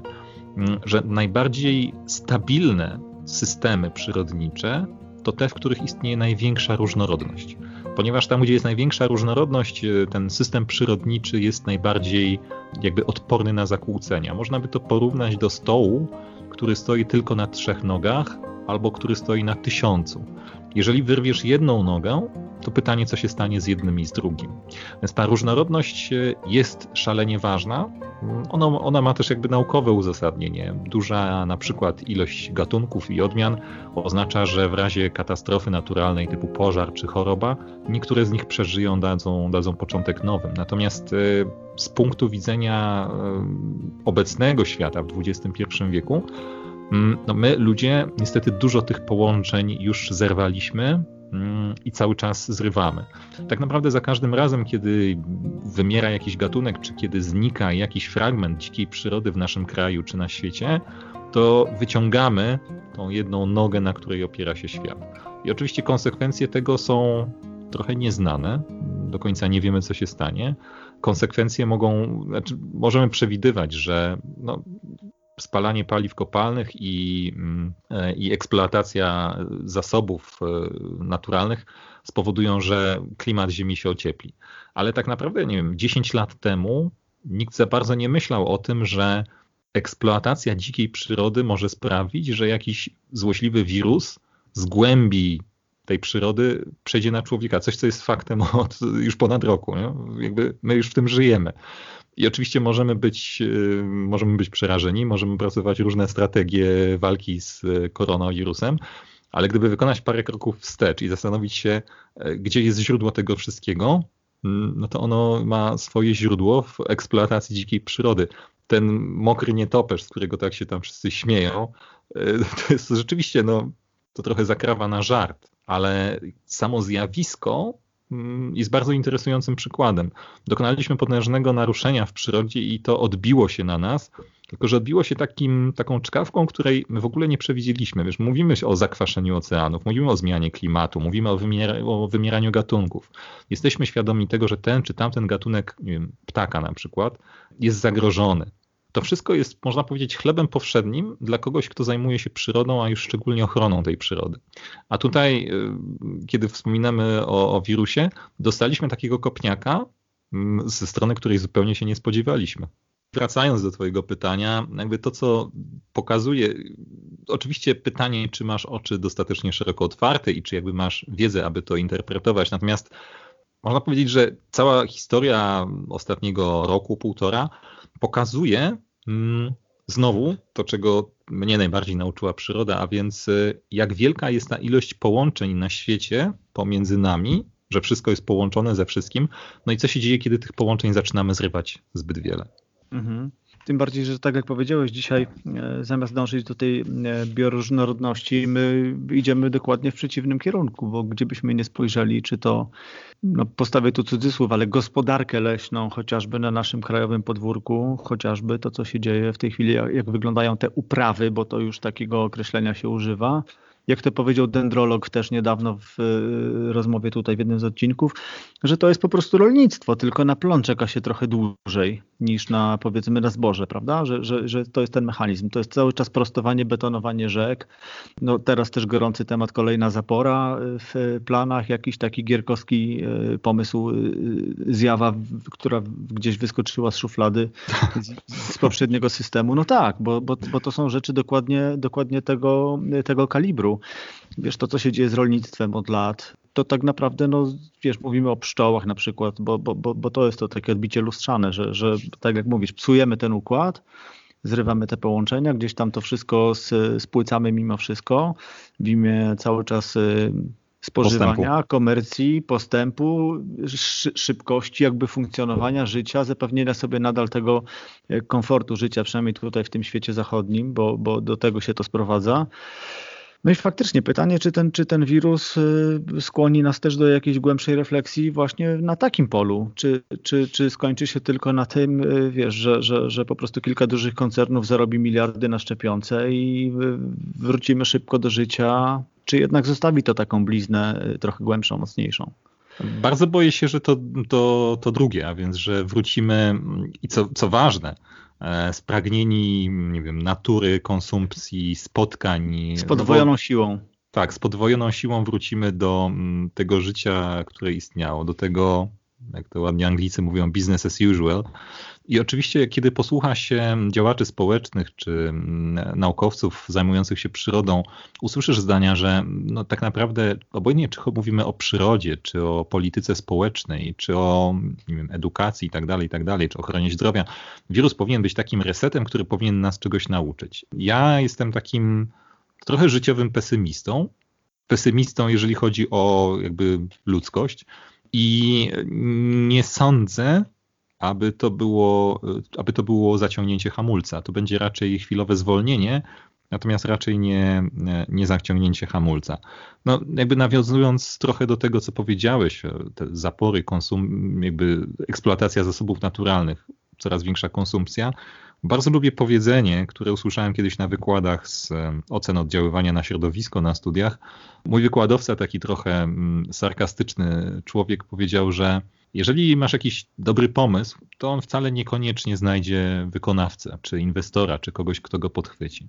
Ale jeżeli masz naprawdę głupi, ale taki naprawdę, naprawdę, naprawdę głupi pomysł, to zawsze znajdzie się ktoś, kto będzie chciał go zrealizować. Tamowanie kolejnych rzek, budowa kaskady na Wiśle i tak dalej są tego typu właśnie pomysłami, niestety to żeby trochę y, światła wpuścić do, do mroku, który e, siłą rzeczy rozpatraliśmy, bo no, tak wywołałem e, tematykę. Czy ten twój kontakt, ta relacja z, z naturą, bo tak, często jesteś z nią sam na sam, często doświadczasz jej w takiej formie bardzo, powiem, trudnej, ale też ekstremalnej po prostu. Czy twoje takie doświadczenia z jednej strony na pewno fizyczne, bo, bo o to cię często też pytają, właśnie chociażby w kontekście tej techniki, która dzisiaj pomaga nam e, przetrwać w takich okolicznościach, ale bardziej chodzi mi o takie doświadczenia duchowe. Czy to się gdzieś e, ociera o taką głębszą refleksję, czasami wręcz może ma to w sobie coś z medytacji, takie bycie sam na sam z tą naturą, Wiesz, przecież jesteś też e, e, w nocy, w tych samych realiach, w tych samych okolicznościach, nadal sam na sam, w miejscach bardzo często bardzo odludnych, gdzie jesteś pozbawiony tych bodźców e, takich mocno cywilizacyjnych z zewnątrz. Udaje ci się takie miejsca znaleźć. Jak to wtedy działa? Powinienem powiedzieć na początku, że ja chyba jestem człowiekiem do tego stworzonym, to znaczy na przykład nie boję się ciszy. Dla mnie cisza jest takim naturalnym stanem przebywania tak na co dzień. A więc bycie na przykład sam na sam z naturą w jakimś takim odludnym miejscu jest dla mnie absolutnie w porządku, wręcz powiedziałbym, że pożądane. Ja lubię ten stan. Oczywiście musiałem się do niego przyzwyczaić podczas moich pierwszych wędrówek, więc pierwsza samotna noc w lesie, czy pierwsza samotna noc w górach w dziczy, Mm, do dzisiaj pamiętam pierwszą noc y, na przejściu Łuku Karpat y, w górach południowej Rumunii, mhm. gdzie po raz pierwszy zasypiałem tak daleko od ludzi i kompletnie w miejscu, gdzie nie było nawet ścieżki. Znaczy to nie to, że byłem na, gdzieś tam przy jakimś szlaku. Nie, nie było ani szlaku, ani drogi leśnej, ani nawet najmniejszej ścieżki. Po prostu zasypiałem pośrodku niczego, nikt nie wiedział, gdzie jestem i miałem tego pełną świadomość. To było niezwykłe uczucie, ale można powiedzieć, że trochę się do niego przyzwyczaiłem. Potem takich nocy było, mm, było wiele. Dla mnie samego przyroda jest taką, powiedzmy, medytacją, ale w momencie, kiedy połączę ją z wędrówką. W ogóle wędrówka i ten rytm stawiania kroków są taką trochę medytacją w ruchu, jeżeli można to tak powiedzieć. Mm, natomiast rzeczywiście wędrówka w pewnym momencie może stać się medytacją. Natomiast drugi moment jest taki, kiedy, tak jak wspomniałeś, zdarza mi się być w jakimś kompletnie odludnym miejscu, gdzie nie doznaję żadnych bodźców i to nie jest uczucie, które powodowałoby jakikolwiek lęk albo nawet niepokój. Jakby czuję się w tym dobrze i ufam swoim siłom na tyle, że wiem, że wydostanę się z tego miejsca, wiem, że wszystko jest w porządku, jestem przygotowany. Natomiast paradoksalnie jest to miłe uczucie, chociaż domyślam się, że dla, dla wielu osób, które nas słuchają, które na przykład przyzwyczajone są do dźwięków, bycia wśród ludzi, generalnie do bodźców, mogłoby to być bardzo dziwne. Taki moment powoduje niepokój i nagle wiesz, zaczynasz, nie wiem, chwytać za telefon czy za cokolwiek innego, coś, co wytworzy te bodźce. Natomiast chyba namawiałbym każdego do tego, żeby spróbował czegoś takiego. Jakby noc, pamiętam wiele nocy na pustyni, gdzie jedyne co słyszysz to dźwięk piasku, który przesypuje się gdzieś tam dookoła, albo noc w samym środku Islandii zimą, gdzie słyszysz tylko łopotanie namiotu na wietrze, a czasami nawet tego nie słyszysz, jak jest dobra pogoda. Wiesz, te odgłosy natury, które w tym momencie są jedynym, co dostajesz, e, dla mnie to ma w sobie coś z takiej, z takiej medytacji i powrotu do, e, do wnętrza. I zupełnie nie dziwię się, że ludzie szukający siebie odchodzili gdzieś daleko na pustkowia. E, ja myślę, że doświadczam takich, takich momentów czasami głębokiej refleksji, zrozumienia siebie właśnie w takich chwilach. I chyba to jest najcenniejsze, to znaczy dostajesz taki wgląd wewnątrz siebie w chwili, kiedy, kiedy nauczysz się być w ciszy i kiedy nauczysz się milczeć. Powiedziałem, że nie będę już wracał do książki e, Szweda, ale Szwed z książki pod gołym niebem jak z miasteczka e, w pewnym momencie wyrwał się do lasu i tam rozpoczął swoje życie właśnie w namiocie, doświadczał tego, o czym mówisz, czyli te pierwsze, pierwsze noce, w zasadzie czas, kiedy zapadał zmrok, e, no to on ocierał się o jakieś takie ataki lęku, paniki, o tego typu kwestie. I po prostu przesiedział sobie kilkadziesiąt nocy, czy, czy w zasadzie nie nocy, ale tam chodziło bardziej o porę zmroku, na pieńku, gdzieś w pewnej, na jakiejś polance leśnej, aż uciszył w sobie te demony, które gdzieś tam w nim hulały, no bo jednak strach przed nocnym lasem jest w nas y, zakorzeniony bardzo tak. mocno. Prawda? I dzisiaj wiemy, że no nie, nie wyskoczy na nas tygrys y, szablastozemny, ale, ale jednak gdzieś to mocno tam w nas siedzi. I wiesz, wystarczy, że się idzie na. Ja bardzo często też wędruję z, z psami gdzieś po lasach po zmroku, abstrahując od tego, że teraz już tam z jakąś czołóweczką na głowie mrugającą, żeby mnie nie zastrzelili myśliwi, ale też zaczynałem e, i wyglądało to zupełnie inaczej, bo samo przestawienie się, przepracowanie tego, jak działają nasze zmysły, w takich sytuacjach, to są niesamowite doświadczenia. Bardzo dużo rzeczy się odkrywa, też poznaje się siebie po tych, po tych reakcjach, po tym, co się dzieje w naszym umyśle. Jak to się przekłada na fizyczność? No bo przecież wiesz, są momenty, kiedy ta adrenalina naprawdę daje kopa, oddech przyspiesza, serce bije szybciej, mocniej. Można z tego coś wyciągnąć. Czy, czy, czy to dla ciebie jest też terapią? Czy terapią? Dobre pytanie. W pewien sposób tak. To znaczy, znowu nie, nie, nie potrafiłbym nawet przytoczyć e, tych badań, na które się kiedyś natknąłem, ale mówi się, że natura zmniejsza, zmniejsza agresję, że ludzie są spokojniejsi, jeżeli mają kontakt z naturą. Jakby mieszkam na wsi i mógłbym powiedzieć, że nie, to, że to wcale nieprawda, ale, ale myślę, że chodzi raczej o to, że nawet, wiesz, będąc tutaj bardzo blisko gór, też mogę być z dala od natury. Wystarczy, że nawet jeżeli mieszkam tuż pod lasem, to wystarczy, że zamknę się w moim własnym domu w czterech ścianach, nie będę wychodził i tak naprawdę jestem poza naturą kompletnie. Natomiast czy ona ma formę czy ona ma właściwości, czy rolę terapeutyczną? Tak, albo sama, albo w połączeniu z ruchem. wiem, że jakby co pewien czas po prostu potrzebuję wyjścia do lasu i takiego noclegu w lesie, czy to jest w czasie moich wędrówek, długich wypraw, czy w czasie takich prostych, nie wiem, weekendowych wyjść, co pewien czas muszę wyskoczyć do lasu. Um, dodatkowo no, ja sam też trenuję w górach e, i widzę, że w momencie, kiedy głowa staje się ciężka po całym dniu siedzenia przed kąpem, kiedy sprawy nie idą tak, jak powinny, e, to las, góry i ruch, jakby ruch połączony z naturą, ma takie działanie można powiedzieć, uspokajające czy antydepresyjne. I znowu nie chcę tu zabrzmieć jak szarlatan, bo nie jestem specjalistą od depresji. To nie jest tak, że e, natura wyleczy depresję i koniec. E, tak nie jest.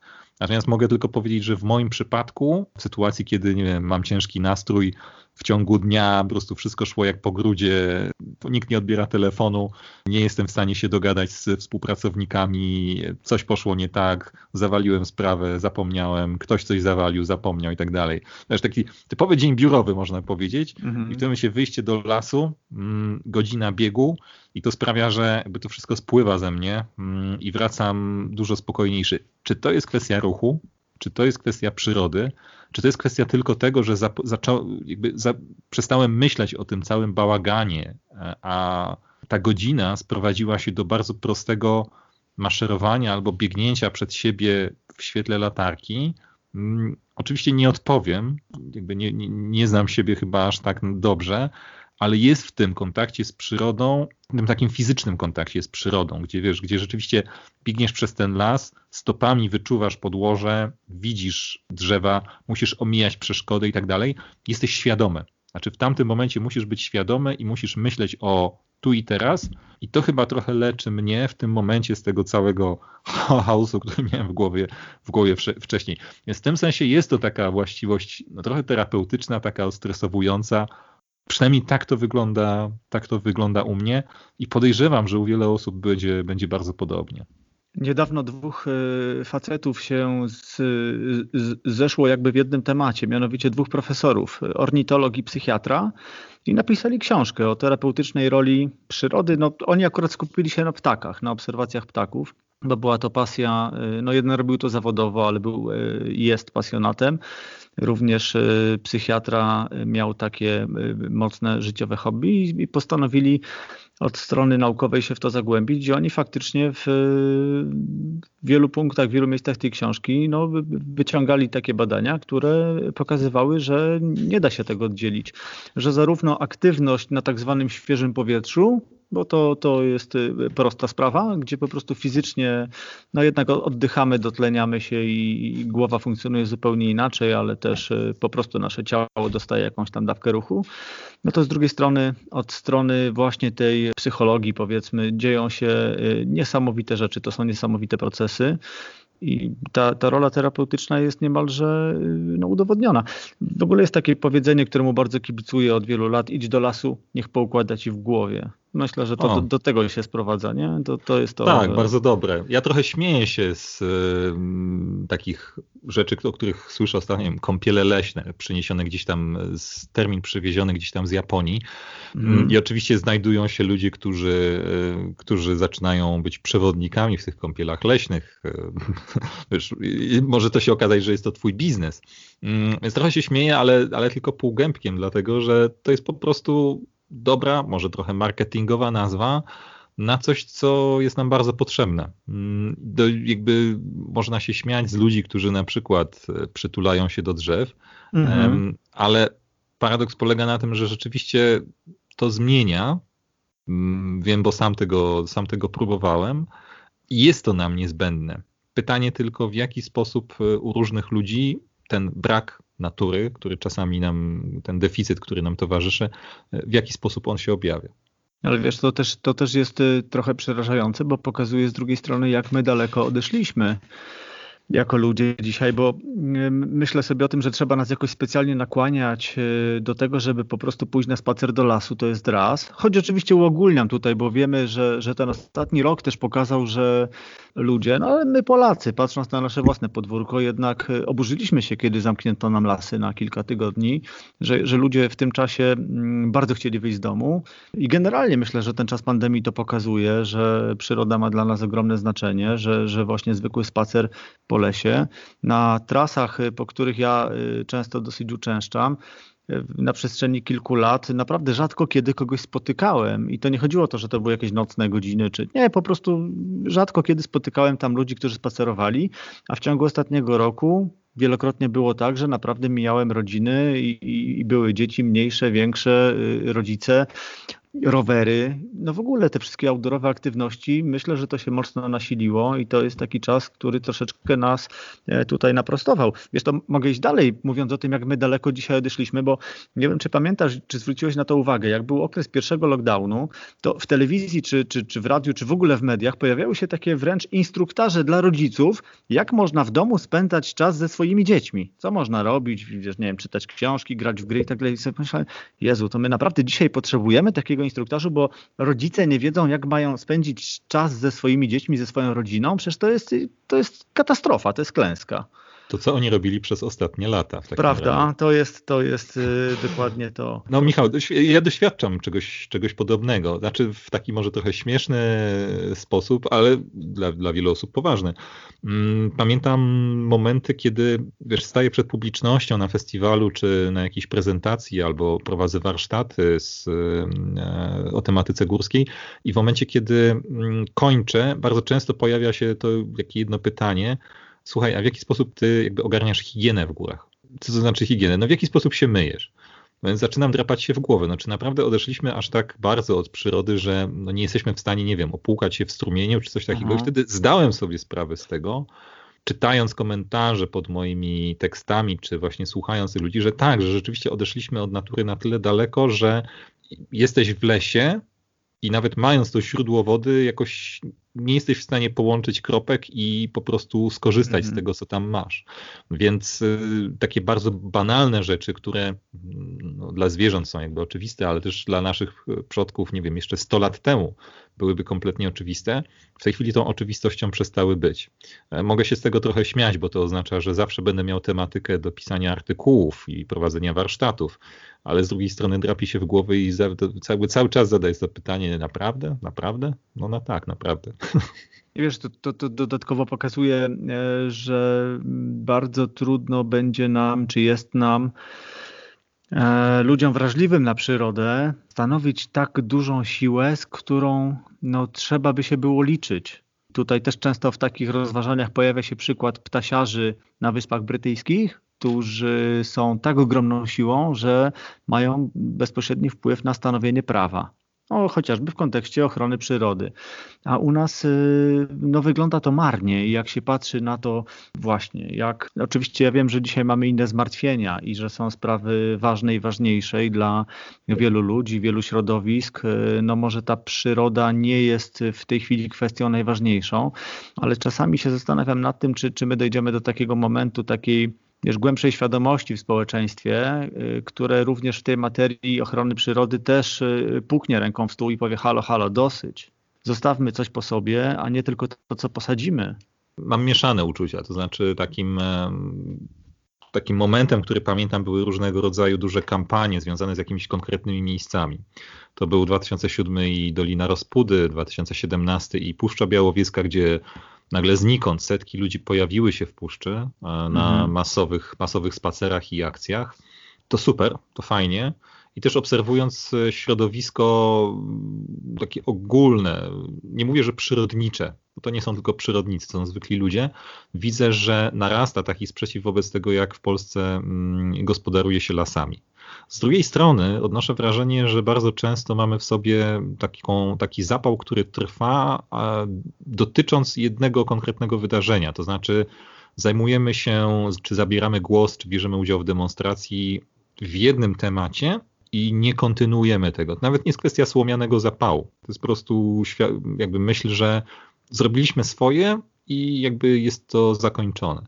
Tymczasem no, historia pokazuje, że zmagania o, o zachowanie dzikiej przyrody, one w zasadzie się nie kończą. Zawsze będzie, zawsze będzie ktoś, kto będzie chciał skorzystać na kolejnym dzikim miejscu. Czy mowa o lesie, czy o rzece, czy o górach itd., tak itd. Tak mm, więc ogólnie jakby ta walka, chociaż ja nie lubię nazywać tego walką, ale no jakby te starania o zachowanie dzikiej przyrody, to jest, to nie jest coś, co można robić od święta.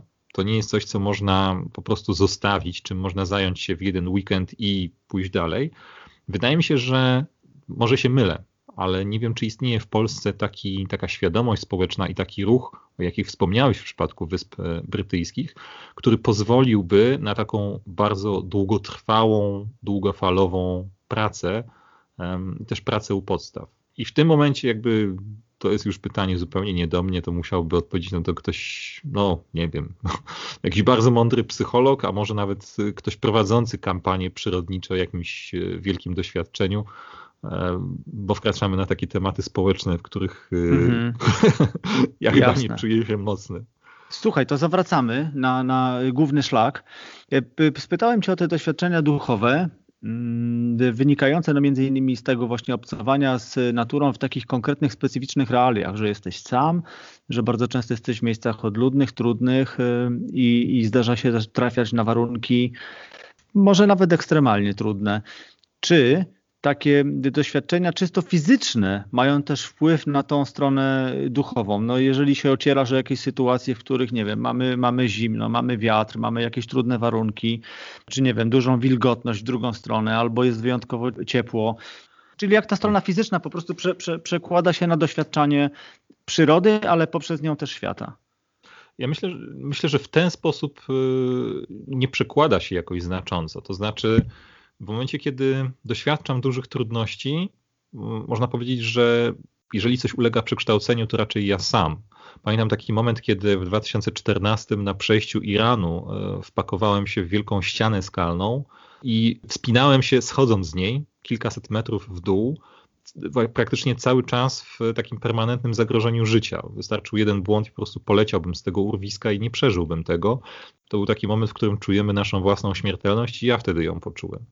W momencie, kiedy jestem w takich rzeczywiście ekstremalnych sytuacjach, to albo poczuję tą właśnie taką śmiertelność swoją własną, ale może też wyjdę z takiego doświadczenia mocniejszy, bo okazuje się, że mam więcej sił niż mi się wydawało. W tym sensie, no jakby dla mnie taką, takim fundamentem, kiedy myślę o trudnych warunkach, jest to, że chodzę po górach, bo one rzeczywiście dają mi dużo, ten kontakt z przyrodą daje mi dużo.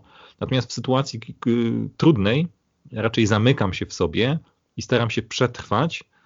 I ta uwaga jest wtedy skupiona dużo bardziej na tym, co jest we mnie, żeby po prostu wytrzymać. W tym sensie zwracam się do siebie. Natomiast no mam też świadomość, nawet wtedy, w czasie takich, w czasie takich zmagań, że no te ekstremalne warunki, których wtedy doświadczam, one nie są obiektywnie ekstremalne. One są ekstremalnie, ponieważ ja je tak odbieram, ponieważ nie jestem do nich dostosowany, a dla natury te warunki po prostu są. I, i tyle. To, że ja je odbieram jako ekstremalne, no to tylko kwestia jakby no, małej wytrzymałości mojego ciała. Więc patrząc na to szerzej, takie przebywanie w takich trudnych warunkach uświadamia bardzo ważną rzecz, że góry nie są ani dobre, ani złe. I tak samo jest z naturą. No, ona sama jest jakby poza dobrem i złem, mimo że jest naszym domem. Więc to my odbieramy te warunki jako ekstremalne i też to my odbieramy jakieś sytuacje w, w górach jako dobre albo złe dla nas. Natomiast góry są niestety kompletnie beznamiętne i te trudne momenty w górach właśnie mnie tego nauczyły. One po prostu, można powiedzieć, patrzą na nas, ale są naprawdę, naprawdę obojętne. Czy te trudne, nazwijmy to trudne chwile są też takimi momentami, w których jeszcze bardziej sobie uświadamiasz, że jesteś jednak tym małym trybikiem tej wielkiej natury? Trochę tak. E, może trochę wyjątkowym, bo w końcu jakimś cudem się tu znalazłem i coś mnie pcha jednak w tą, nie wiem, śnieżycę, wichurę, w ten głęboki śnieg, czy w ten upał na pustyni. Mm, więc zawsze jest to ta, ta świadoma cząstka mnie.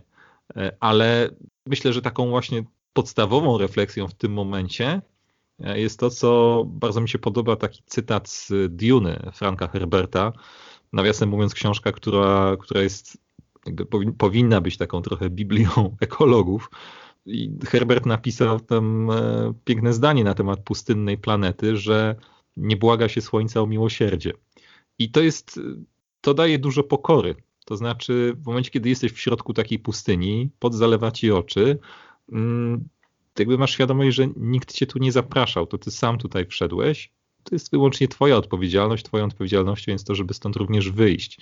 Więc w tym sensie, może to zabrzmi trochę okrutnie, ale te podróże pokazują mi, przynajmniej pokazały, że natura w pewien sposób jest na nas obojętna, w tym sensie, że no, nie ma w niej dobra i zła. Ona po prostu jest i tyle. Natomiast to my odbieramy te warunki no, jako dobre lub złe, ekstremalne albo łatwe i tak dalej. Coraz częściej jest też tak, że pośrednio mamy wpływ y, również na, no, niestety, na kierowanie tych zmian, które zachodzą. To jakby jeszcze z drugiej strony na to patrząc, to właśnie tak to, tak to zaczyna wyglądać, że natura jest sama w sobie neutralna, można by tak powiedzieć, natomiast no, my lekko popychamy ją w stronę no, pewnego zachwiania, tak, i potem to zachwianie wraca w naszą stronę. No i tutaj wracamy do, do, te, do, jakby do tej metafory e, wyciągania tych kolejnych nóg ze stołu. A pytanie, ile takich wahnięć, mm czy ile takich mm -hmm. wyciągniętych e, podpór e, natura może wytrzymać. No ale to już jest jakby, no tak, a czy, temat, czy, czy, czy takie sytuacje, kiedy na przykład jesteś na pustyni, no to cały czas jeszcze drążę temat tego, czy na przykład, nie wiem, szacunek do wody. Ja, ja nie mówię, że akurat ty musiałeś się go uczyć, ale, ale wiesz, co mam na myśli, że, że no, to, tak jak myśli człowiek chociażby w mieście, czy tutaj, gdzie mamy wodę z wodociągu, no do, dopóki woda z kranu leci, nie ma żadnego problemu wody tak naprawdę, nie? Tak, i w tym sensie podróże nauczyły mnie paru takich rzeczy. Szacunku do, do wody, na pewno do jedzenia. Do pożywienia, no. Do, zdarzało mi się podróżować e, po bandzie, gdzie zapasy pieniędzy i jedzenia były minimalne i, i rzeczywiście może nie głodowałem, ale było blisko, naprawdę było kiepsko.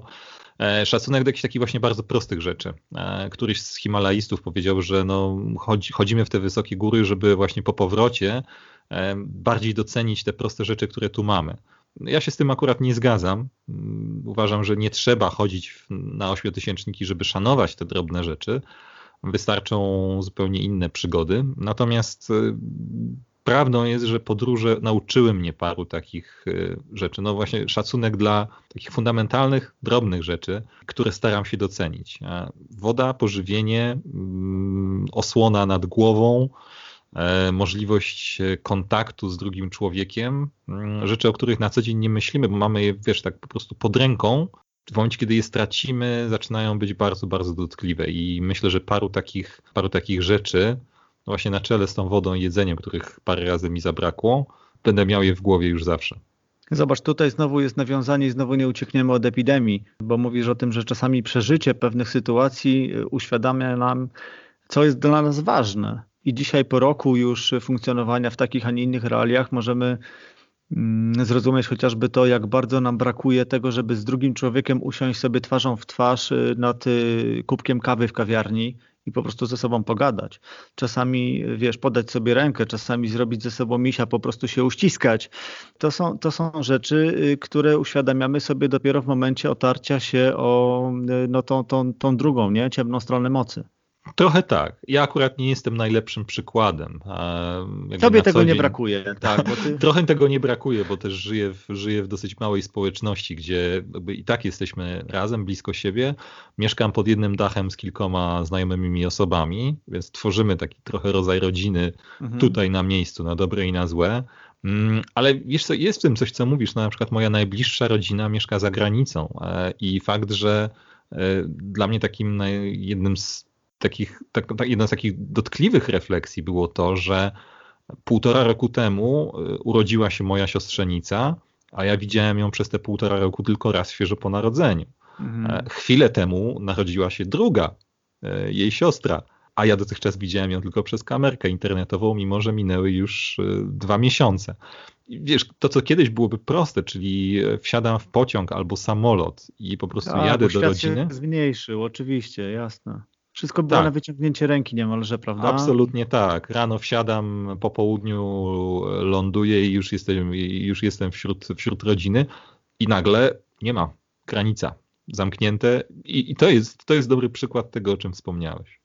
No i tak, i tak pewnie też zadziałały na nas y, te zamknięte lasy, nawet parki, bo to przecież było nawet tak, że, że nawet w mieście nie można było sobie pójść do parku i pamiętam absurd tych sytuacji, kiedy jakieś radiowozy krążyły po, po parku, wiesz, kontrolując, czy tam przypadkiem ktoś się nie, za, nie zapuścił. E, słuchaj, a czy jesteś w stanie przy, przytoczyć ze swojego doświadczenia przykład czy kilka przykładów takich sytuacji, w których ta przyroda wywarła na tobie takie największe wrażenie, że były to takie momenty, kiedy otarłeś się o jakieś sytuacje, w których po prostu stanąłeś i to było tylko, wiesz, czyste przeżycie. Mhm. Myślę, że było kilka takich momentów. E, co ciekawe, to były miejsca, gdzie przyroda jest niejako nieobecna, w tym sensie, że były to miejsca bardzo puste i surowe. I takie dwa miejsca, które od razu przychodzą mi do głowy, to są dwa rodzaje pustyni. Jedna to pustynia arktyczna na Islandii, gdzie wnętrze Islandii jest ogromną, skalistą, taką wulkaniczną pustynią, mm, a jednocześnie jest to miejsce bardzo urozmaicone i piękne. Ja w jakiś taki dziwny sposób lubię takie puste miejsca mm, i samotność w takich pustych miejscach. Drugim takim e, miejscem, mm, może trochę mniej odizolowanym, była pustynia Negev w Izraelu. W 2017 i 2018 miałem, okazję być w Izraelu i Palestynie i przechodzić tamtejsze szlaki. I myślałem, że jestem przygotowany na wejście w pustynię. Natomiast y, ta w sumie niewielka, bo Izrael nie jest dużym krajem, ale pustynia Negev zrobiła na mnie piorunujące wrażenie. To jest pustynia, przez którą idzie się 400 kilometrów, nie aż tak dużo obiektywnie, ale praktycznie codziennie lub co drugi dzień widzi się zmiany. Ten krajobraz się zmienia, znaczy co drugi dzień pustynia ma inny charakter. Raz to będą, e, to będzie ogromny płaskowyż, innym razem siatka kanionów, kolejne ogromne kratery, mm, potem góry, a potem znowu płaskowyż pokryty kamieniami, płaski jak stół. Było to, jakby różnorodność pustyni na tak niewielkim obszarze była niesamowita. I paradoksalnie to właśnie tam, e, tam to mnie uderzyło. Oczywiście były też i inne miejsca, które pamiętam wcześniej. W tej chwili wchodząc do lasu już tego nie czuję, ale pamiętam takie momenty, kiedy po raz pierwszy zobaczyłem połoninę w, w naszych Bieszczadach. Albo kiedy po pierwszy raz stanąłem na ogromnej połoninie w Karpatach rumuńskich, gdzie mhm. te otwarte przestrzenie ciągną się nie kilka godzin jak u nas, tylko kilka dni i dziesiątki kilometrów. To był moment, kiedy pierwszy raz e, wszedłem na ogromne torfowiska, e, tu niedaleko na Podhalu zresztą, czy na Orawie właściwie powinienem powiedzieć. I też zrobiły na mnie kolosalne wrażenie, mimo że nie jest to duży obszar, jakby dzikość i brak ścieżek w tamtym momencie zrobiły na mnie wielkie wrażenie. Więc wygląda na to, że takie, takie wrażenie robią na mnie miejsca puste, a jednocześnie e, miejsca hmm, dzikie, w których mam świadomość, że jestem tu sam, nie ma żadnej ścieżki, która by mnie poprowadziła i nikt nie wie do końca, gdzie jestem. Myślę, że to jest taki wspólny mianownik. Ta, ta izolacja i potęga dookoła ciebie, a jednocześnie mimo jakby pomimo tej izolacji, która może być trochę straszna, jakieś niesamowite piękno. I to połączenie tych e, rzeczy jest, e, myślę, kluczowe w tych miejscach, które mnie zafascynowały. A w drugą stronę, y, myśląc, y, zetknąłeś się z takim miejscem, które z uwagi na jakieś przekształcenia czy wpływ działalności człowieka e, straciło wiele, albo zostało po prostu przekształcone nieodwracalnie i pomyślałeś sobie, stanąłeś, pomyślałeś, popatrzyłeś, cholera, jednak to po prostu spieprzyliśmy? Przepraszam, że, zno, że, znowu dramatyzuję, ale to wiesz, no, to, są, to są dwie strony medalu, nie? Dzisiaj no, tak. no, no, nie da się, wiesz, wędrować po świecie i po prostu pewnych rzeczy nie widzieć, dlatego o to pytam.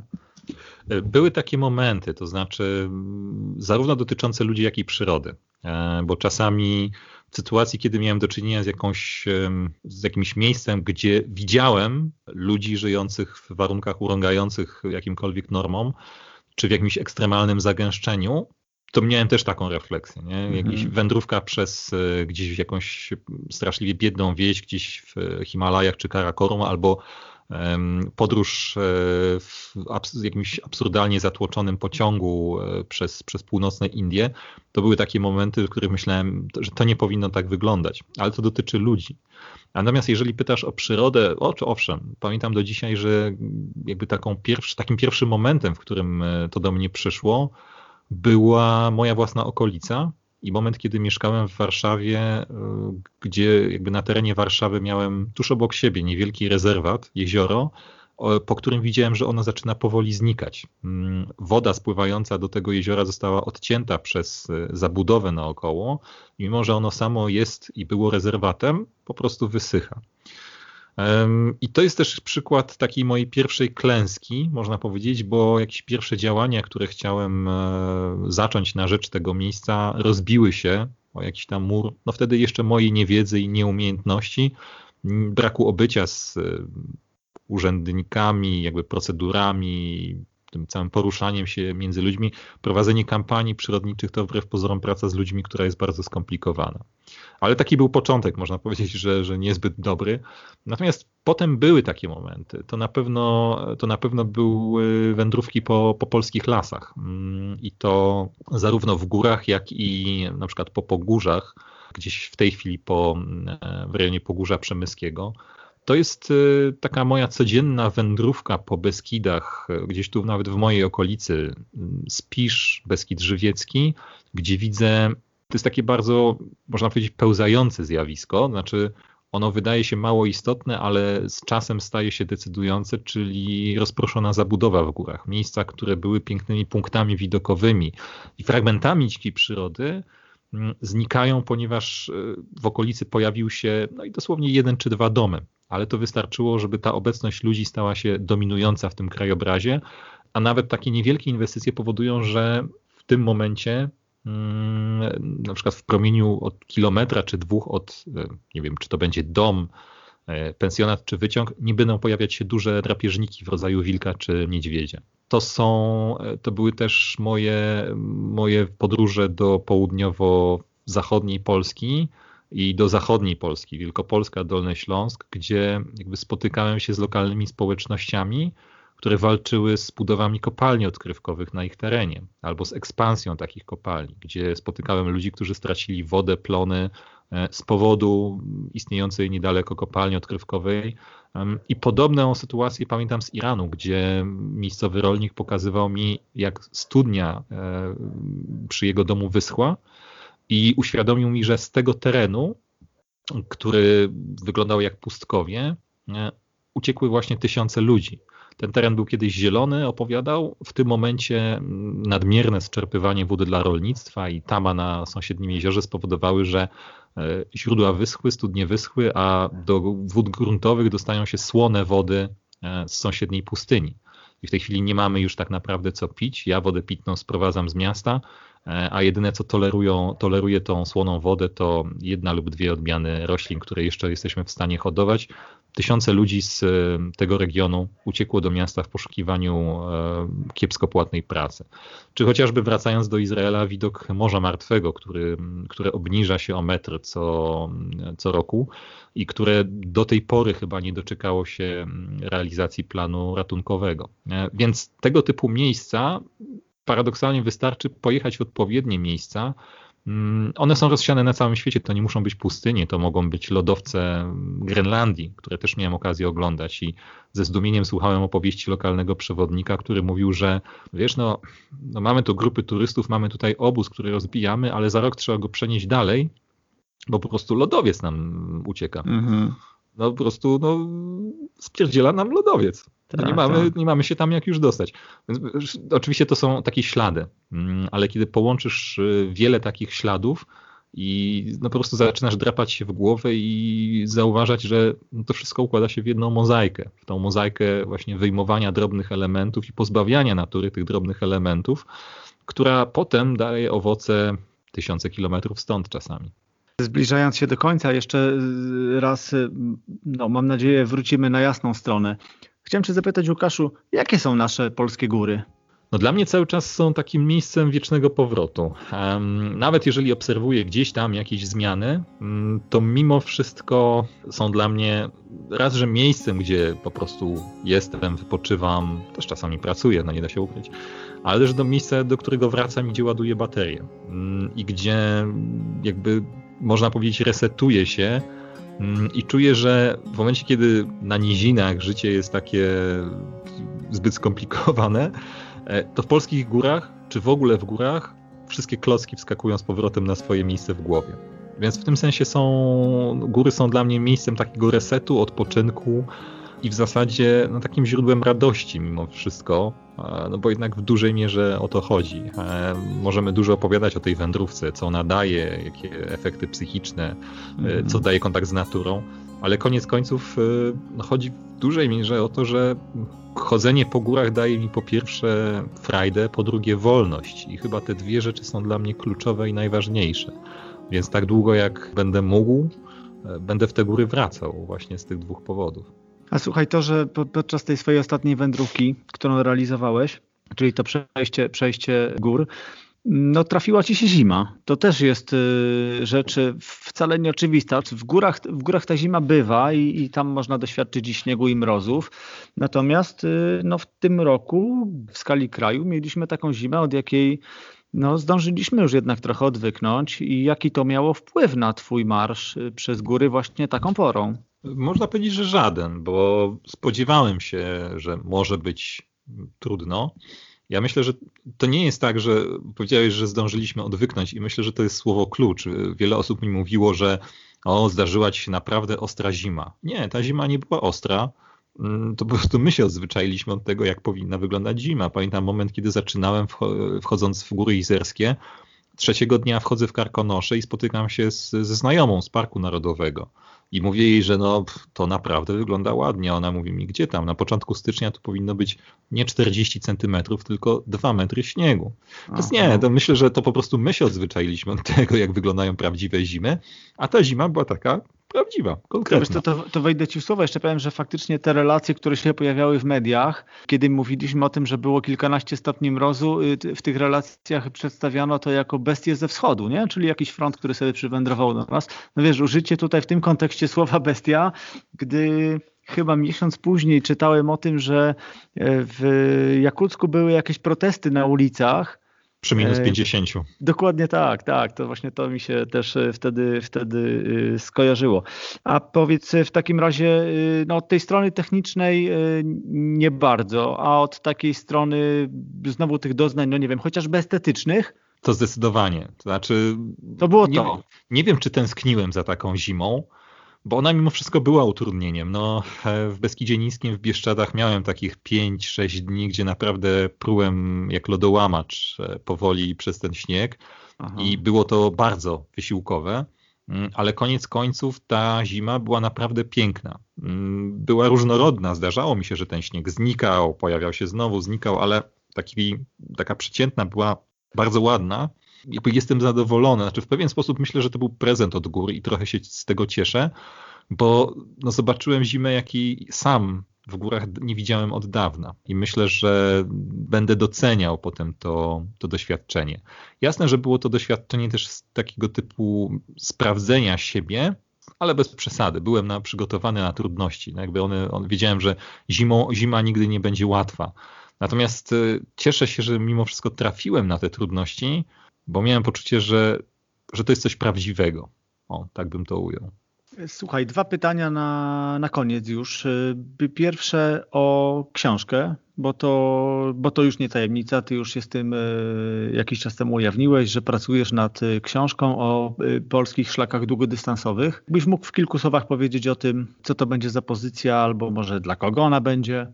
To jest pozycja w zasadzie dla każdego, kogo pasjonuje wędrowanie. I to niekoniecznie po górach, bo takim początkiem tej książki było stworzenie listy długich szlaków w Polsce. Zależy jak liczyć długi, ale takich szlaków znalazłem ponad 120 i pod wpływem takiej, takiego impulsu wyselekcjonowałem te najpiękniejsze no i trafiło się wydawnictwo, które de facto chciało partycypować w tym dziwnym projekcie, mm, które też namówiło mnie do, do tego, wydawnictwo Bezdroża. Zaczęliśmy wspólnie tworzyć taką książkę, w której zawarłem, no jest to w zasadzie przewodnik, to jest przewodnik po 30 moim zdaniem najciekawszych czy najpiękniejszych. Dystans nie miał tu takiego znaczenia, ważniejsza była raczej uroda albo jakaś taka charakterystyka hmm, kulturowo-historyczna czasami. czasami. Czasami to było ważne kryterium. I 30 takich szlaków zebrało się w całkiem opasłą książkę, muszę przyznać. Dla kogo to jest? Tak naprawdę dla każdego, kto lubi wędrowanie i chciałby spróbować swoich sił w takich wędrówkach już no, wielodniowych. Najkrótsze szlaki, jakie opisałem, mają około 50-100 km, najdłuższy ponad 900.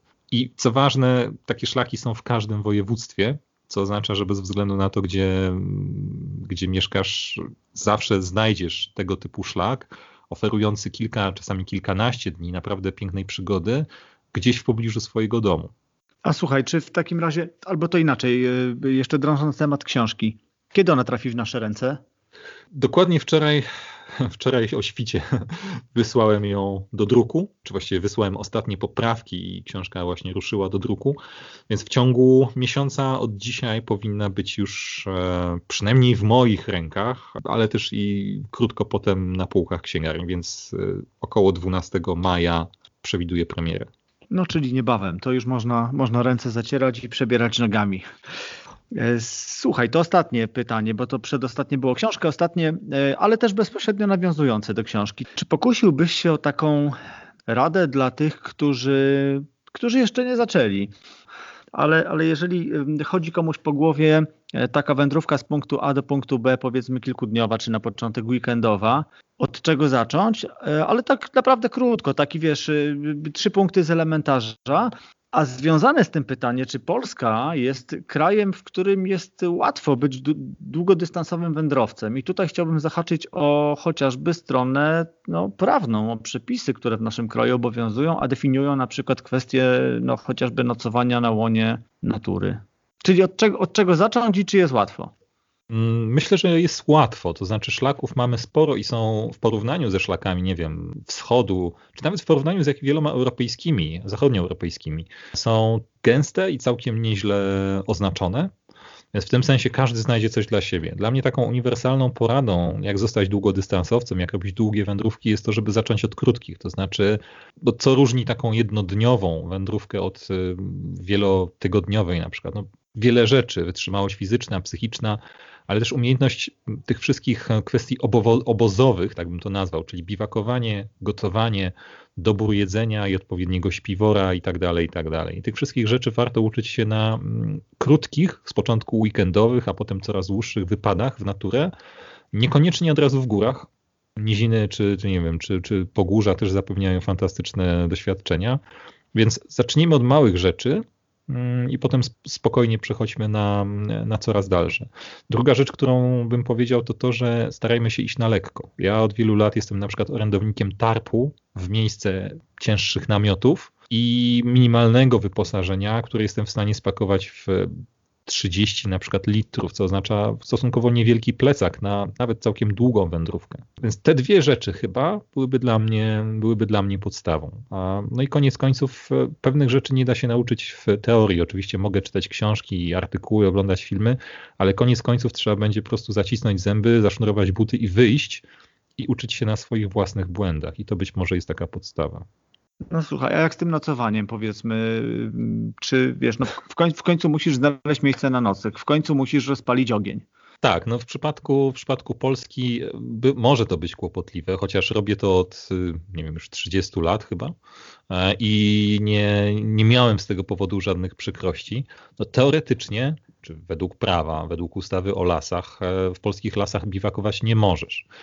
To się w tej chwili zmienia, ponieważ każde nadleśnictwo będzie posiadało taki punkt, czy miejsce, czy strefę gdzie dozwolone będzie biwakowanie, uprawianie bushcraftu czy survivalu i jakby spora w tym zasługa tych środowisk bushcraftowych, y, które wynegocjowały to z lasami państwowymi.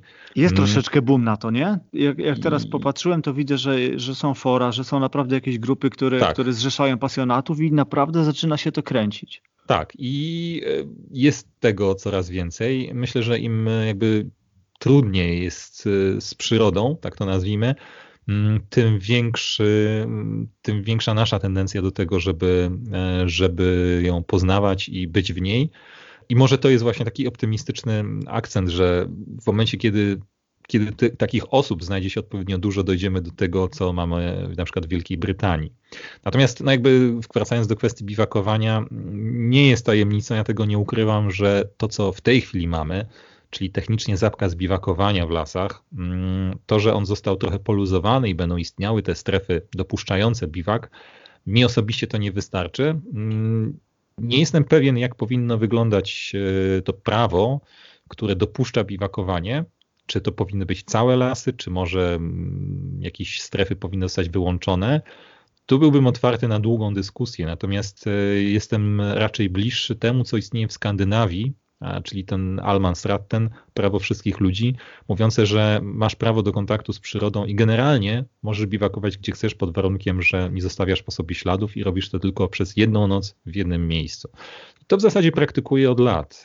Nawet spotykając ludzi, nie wiem, leśników na przykład, nigdy nie, nie doświadczyłem żadnej przykrości z ich strony, raczej pytania, czy wszystko w porządku i czy dobrze się czuję więc, e, więc mam same dobre doświadczenia. Mm, w tym sensie, na przykład wracając do swojego pytania, czy Polska jest dobrym krajem do, do uprawiania takich wędrówek, moim zdaniem tak, nawet jeżeli jakby ta sytuacja prawna jest trochę zagmatwana, na tyle jesteśmy jakby przyjaznym krajem pod względem biwakowania i oznakowania szlaków, że naszą przygodę długodystansową swobodnie możemy zacząć e, tutaj, w zasadzie na swoim własnym podwórku.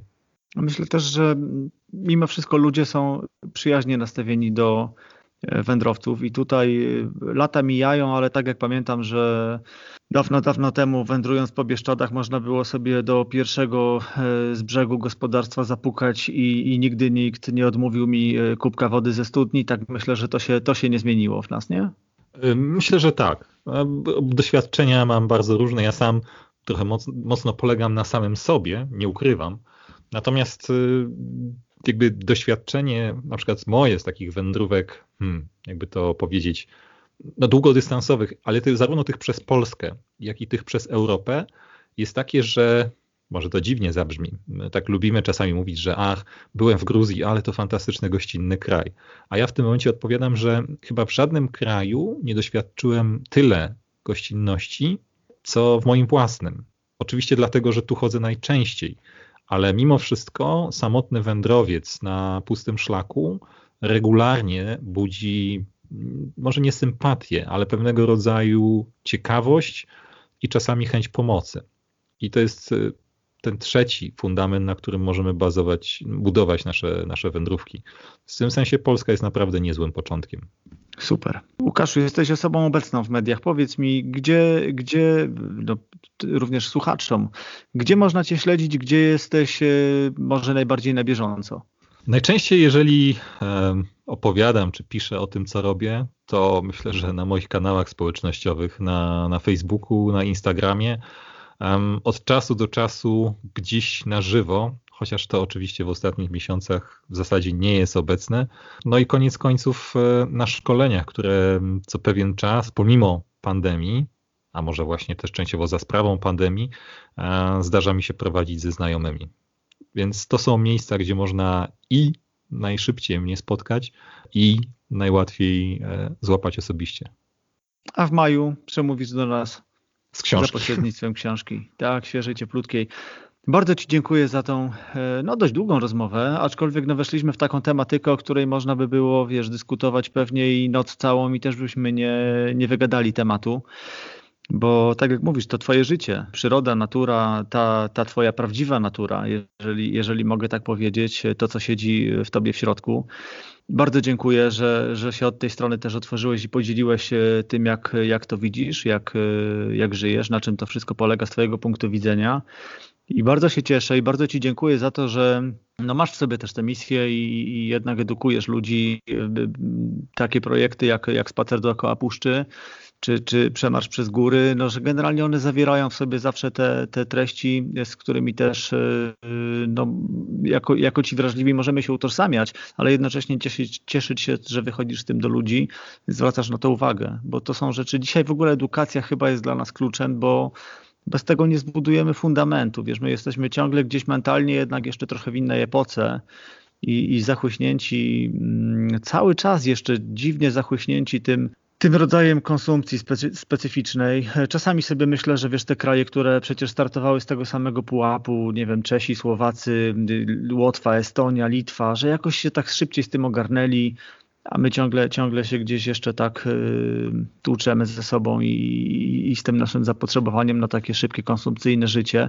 No ale bez, bez edukacji nic tutaj nie zmienimy. Także za to Ci dziękuję i, i proszę o więcej, żeby, żeby no, ten motyw jakby też zawsze był y, w Twoich relacjach, y, w Twoich no, projektach, opowieściach. To, to bardzo ważne, kluczowe. Dzięki wielkie. Będzie. Super. Bardzo dziękuję. Wszystkiego dobrego. Trzymaj się. Dzięki, do usłyszenia. Wysłuchaliście rozmowy z Łukaszem Superganem. Może Łukasz zainspiruje Was do wędrowania długodystansowego, do odkrywania świata podczas takiej i powiedziałbym specyficznej relacji z przyrodą, jaką są te właśnie długodystansowe marsze, nocne biwaki w terenie. Warto śledzić poczynania Łukasza do jego mediów społecznościowych, do jego strony, bloga. E, zalinkuję oczywiście w notatkach do tego odcinka.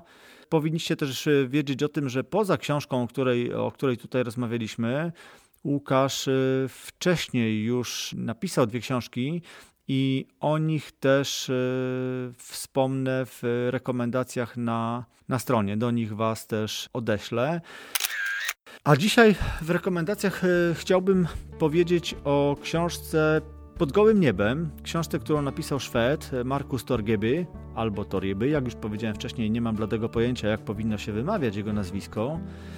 Natomiast, e, no właśnie, jest to fajna historia. Markus był biegaczem e, długodystansowym, takim ultra. Jego kariera została przerwana przez e, kontuzję. No i okazało się, że musiał sobie poradzić, zbudować swoje życie na nowo, bo, bo kariery biegacza kontynuować nie mógł, przynajmniej wyczynowego w takim znaczeniu. No i kiedy sprawy zaczęły mu się trochę sypać na głowę, stwierdził, że musi jakoś przedefiniować swoje życie i zadać sobie kilka ważnych pytań, zmierzyć się z kilkoma e, tematami. No i co takiego zrobił? Zdecydował się na dość radykalny krok, czyli porzucił życie w mieście i wyniósł się do, do lasu, gdzie mieszkał praktycznie pod gołym niebem. Cztery lata, niemalże jako pustelnik, gdzieś na północy Szwecji w, w puszczy gdzie no, osiągnął pewną harmonię z przyrodą, ale też ze samym sobą.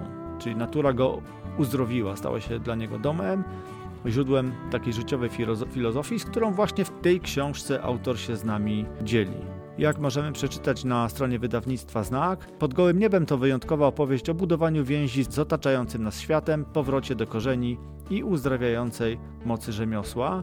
To także przewodnik po życiu w rytmie natury, niezależnie od miejsca zamieszkania, nawet w samym sercu miejskiej dżungli.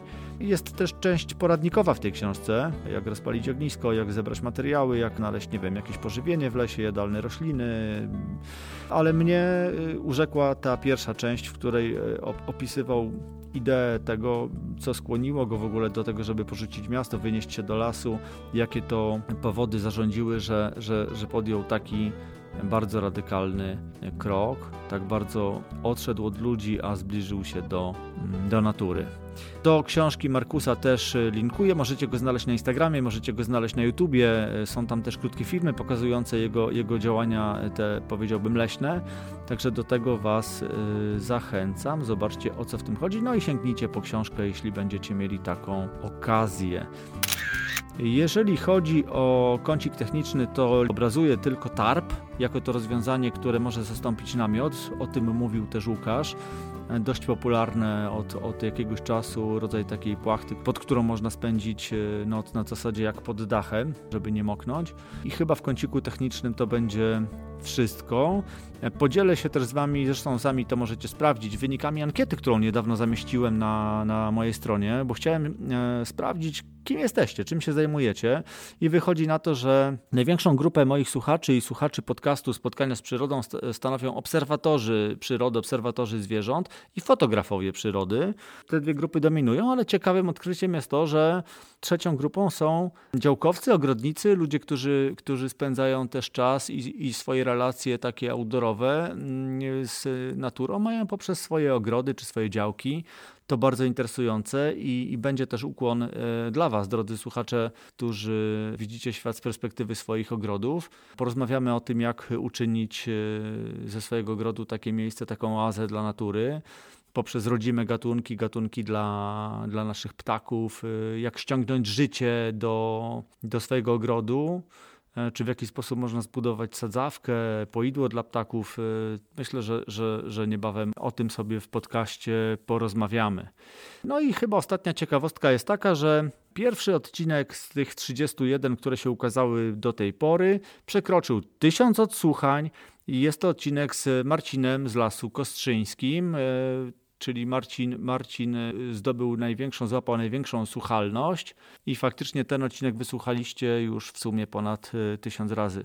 Wielka liczba, wielka sprawa i taki mały, mały przełom. Wszystkie linki y, znajdziecie w notatkach do tego odcinka, zamieszczone na e, stronie michałstanecki.com ukośnik 032. Oczywiście zachęcam Was do pisania komentarzy, odnoszenia się do treści poszczególnych odcinków, zadawania pytań, podsuwania pomysłów, wyrażania swoich opinii. Jeśli podcast Wam się podoba, możecie go polubić, e, możecie go polubić w tych rzutach, z których go słuchacie. Możecie go subskrybować, ale najważniejsze dla mnie jest to, żebyście udostępniali go swoim znajomym, udostępniali, udostępniali, bo to jest jedyna forma promocji, jaką mogę mieć, żeby było nas coraz więcej. To oczywiście też dla mnie taka nagroda za wykonywaną pracę. Po prostu mogę pozyskiwać nowych słuchaczy. Dziękuję Wam za słuchanie kolejnych odcinków. Dziękuję za wysłuchanie tego odcinka. Naturalnie usłyszymy się już wkrótce. Cześć!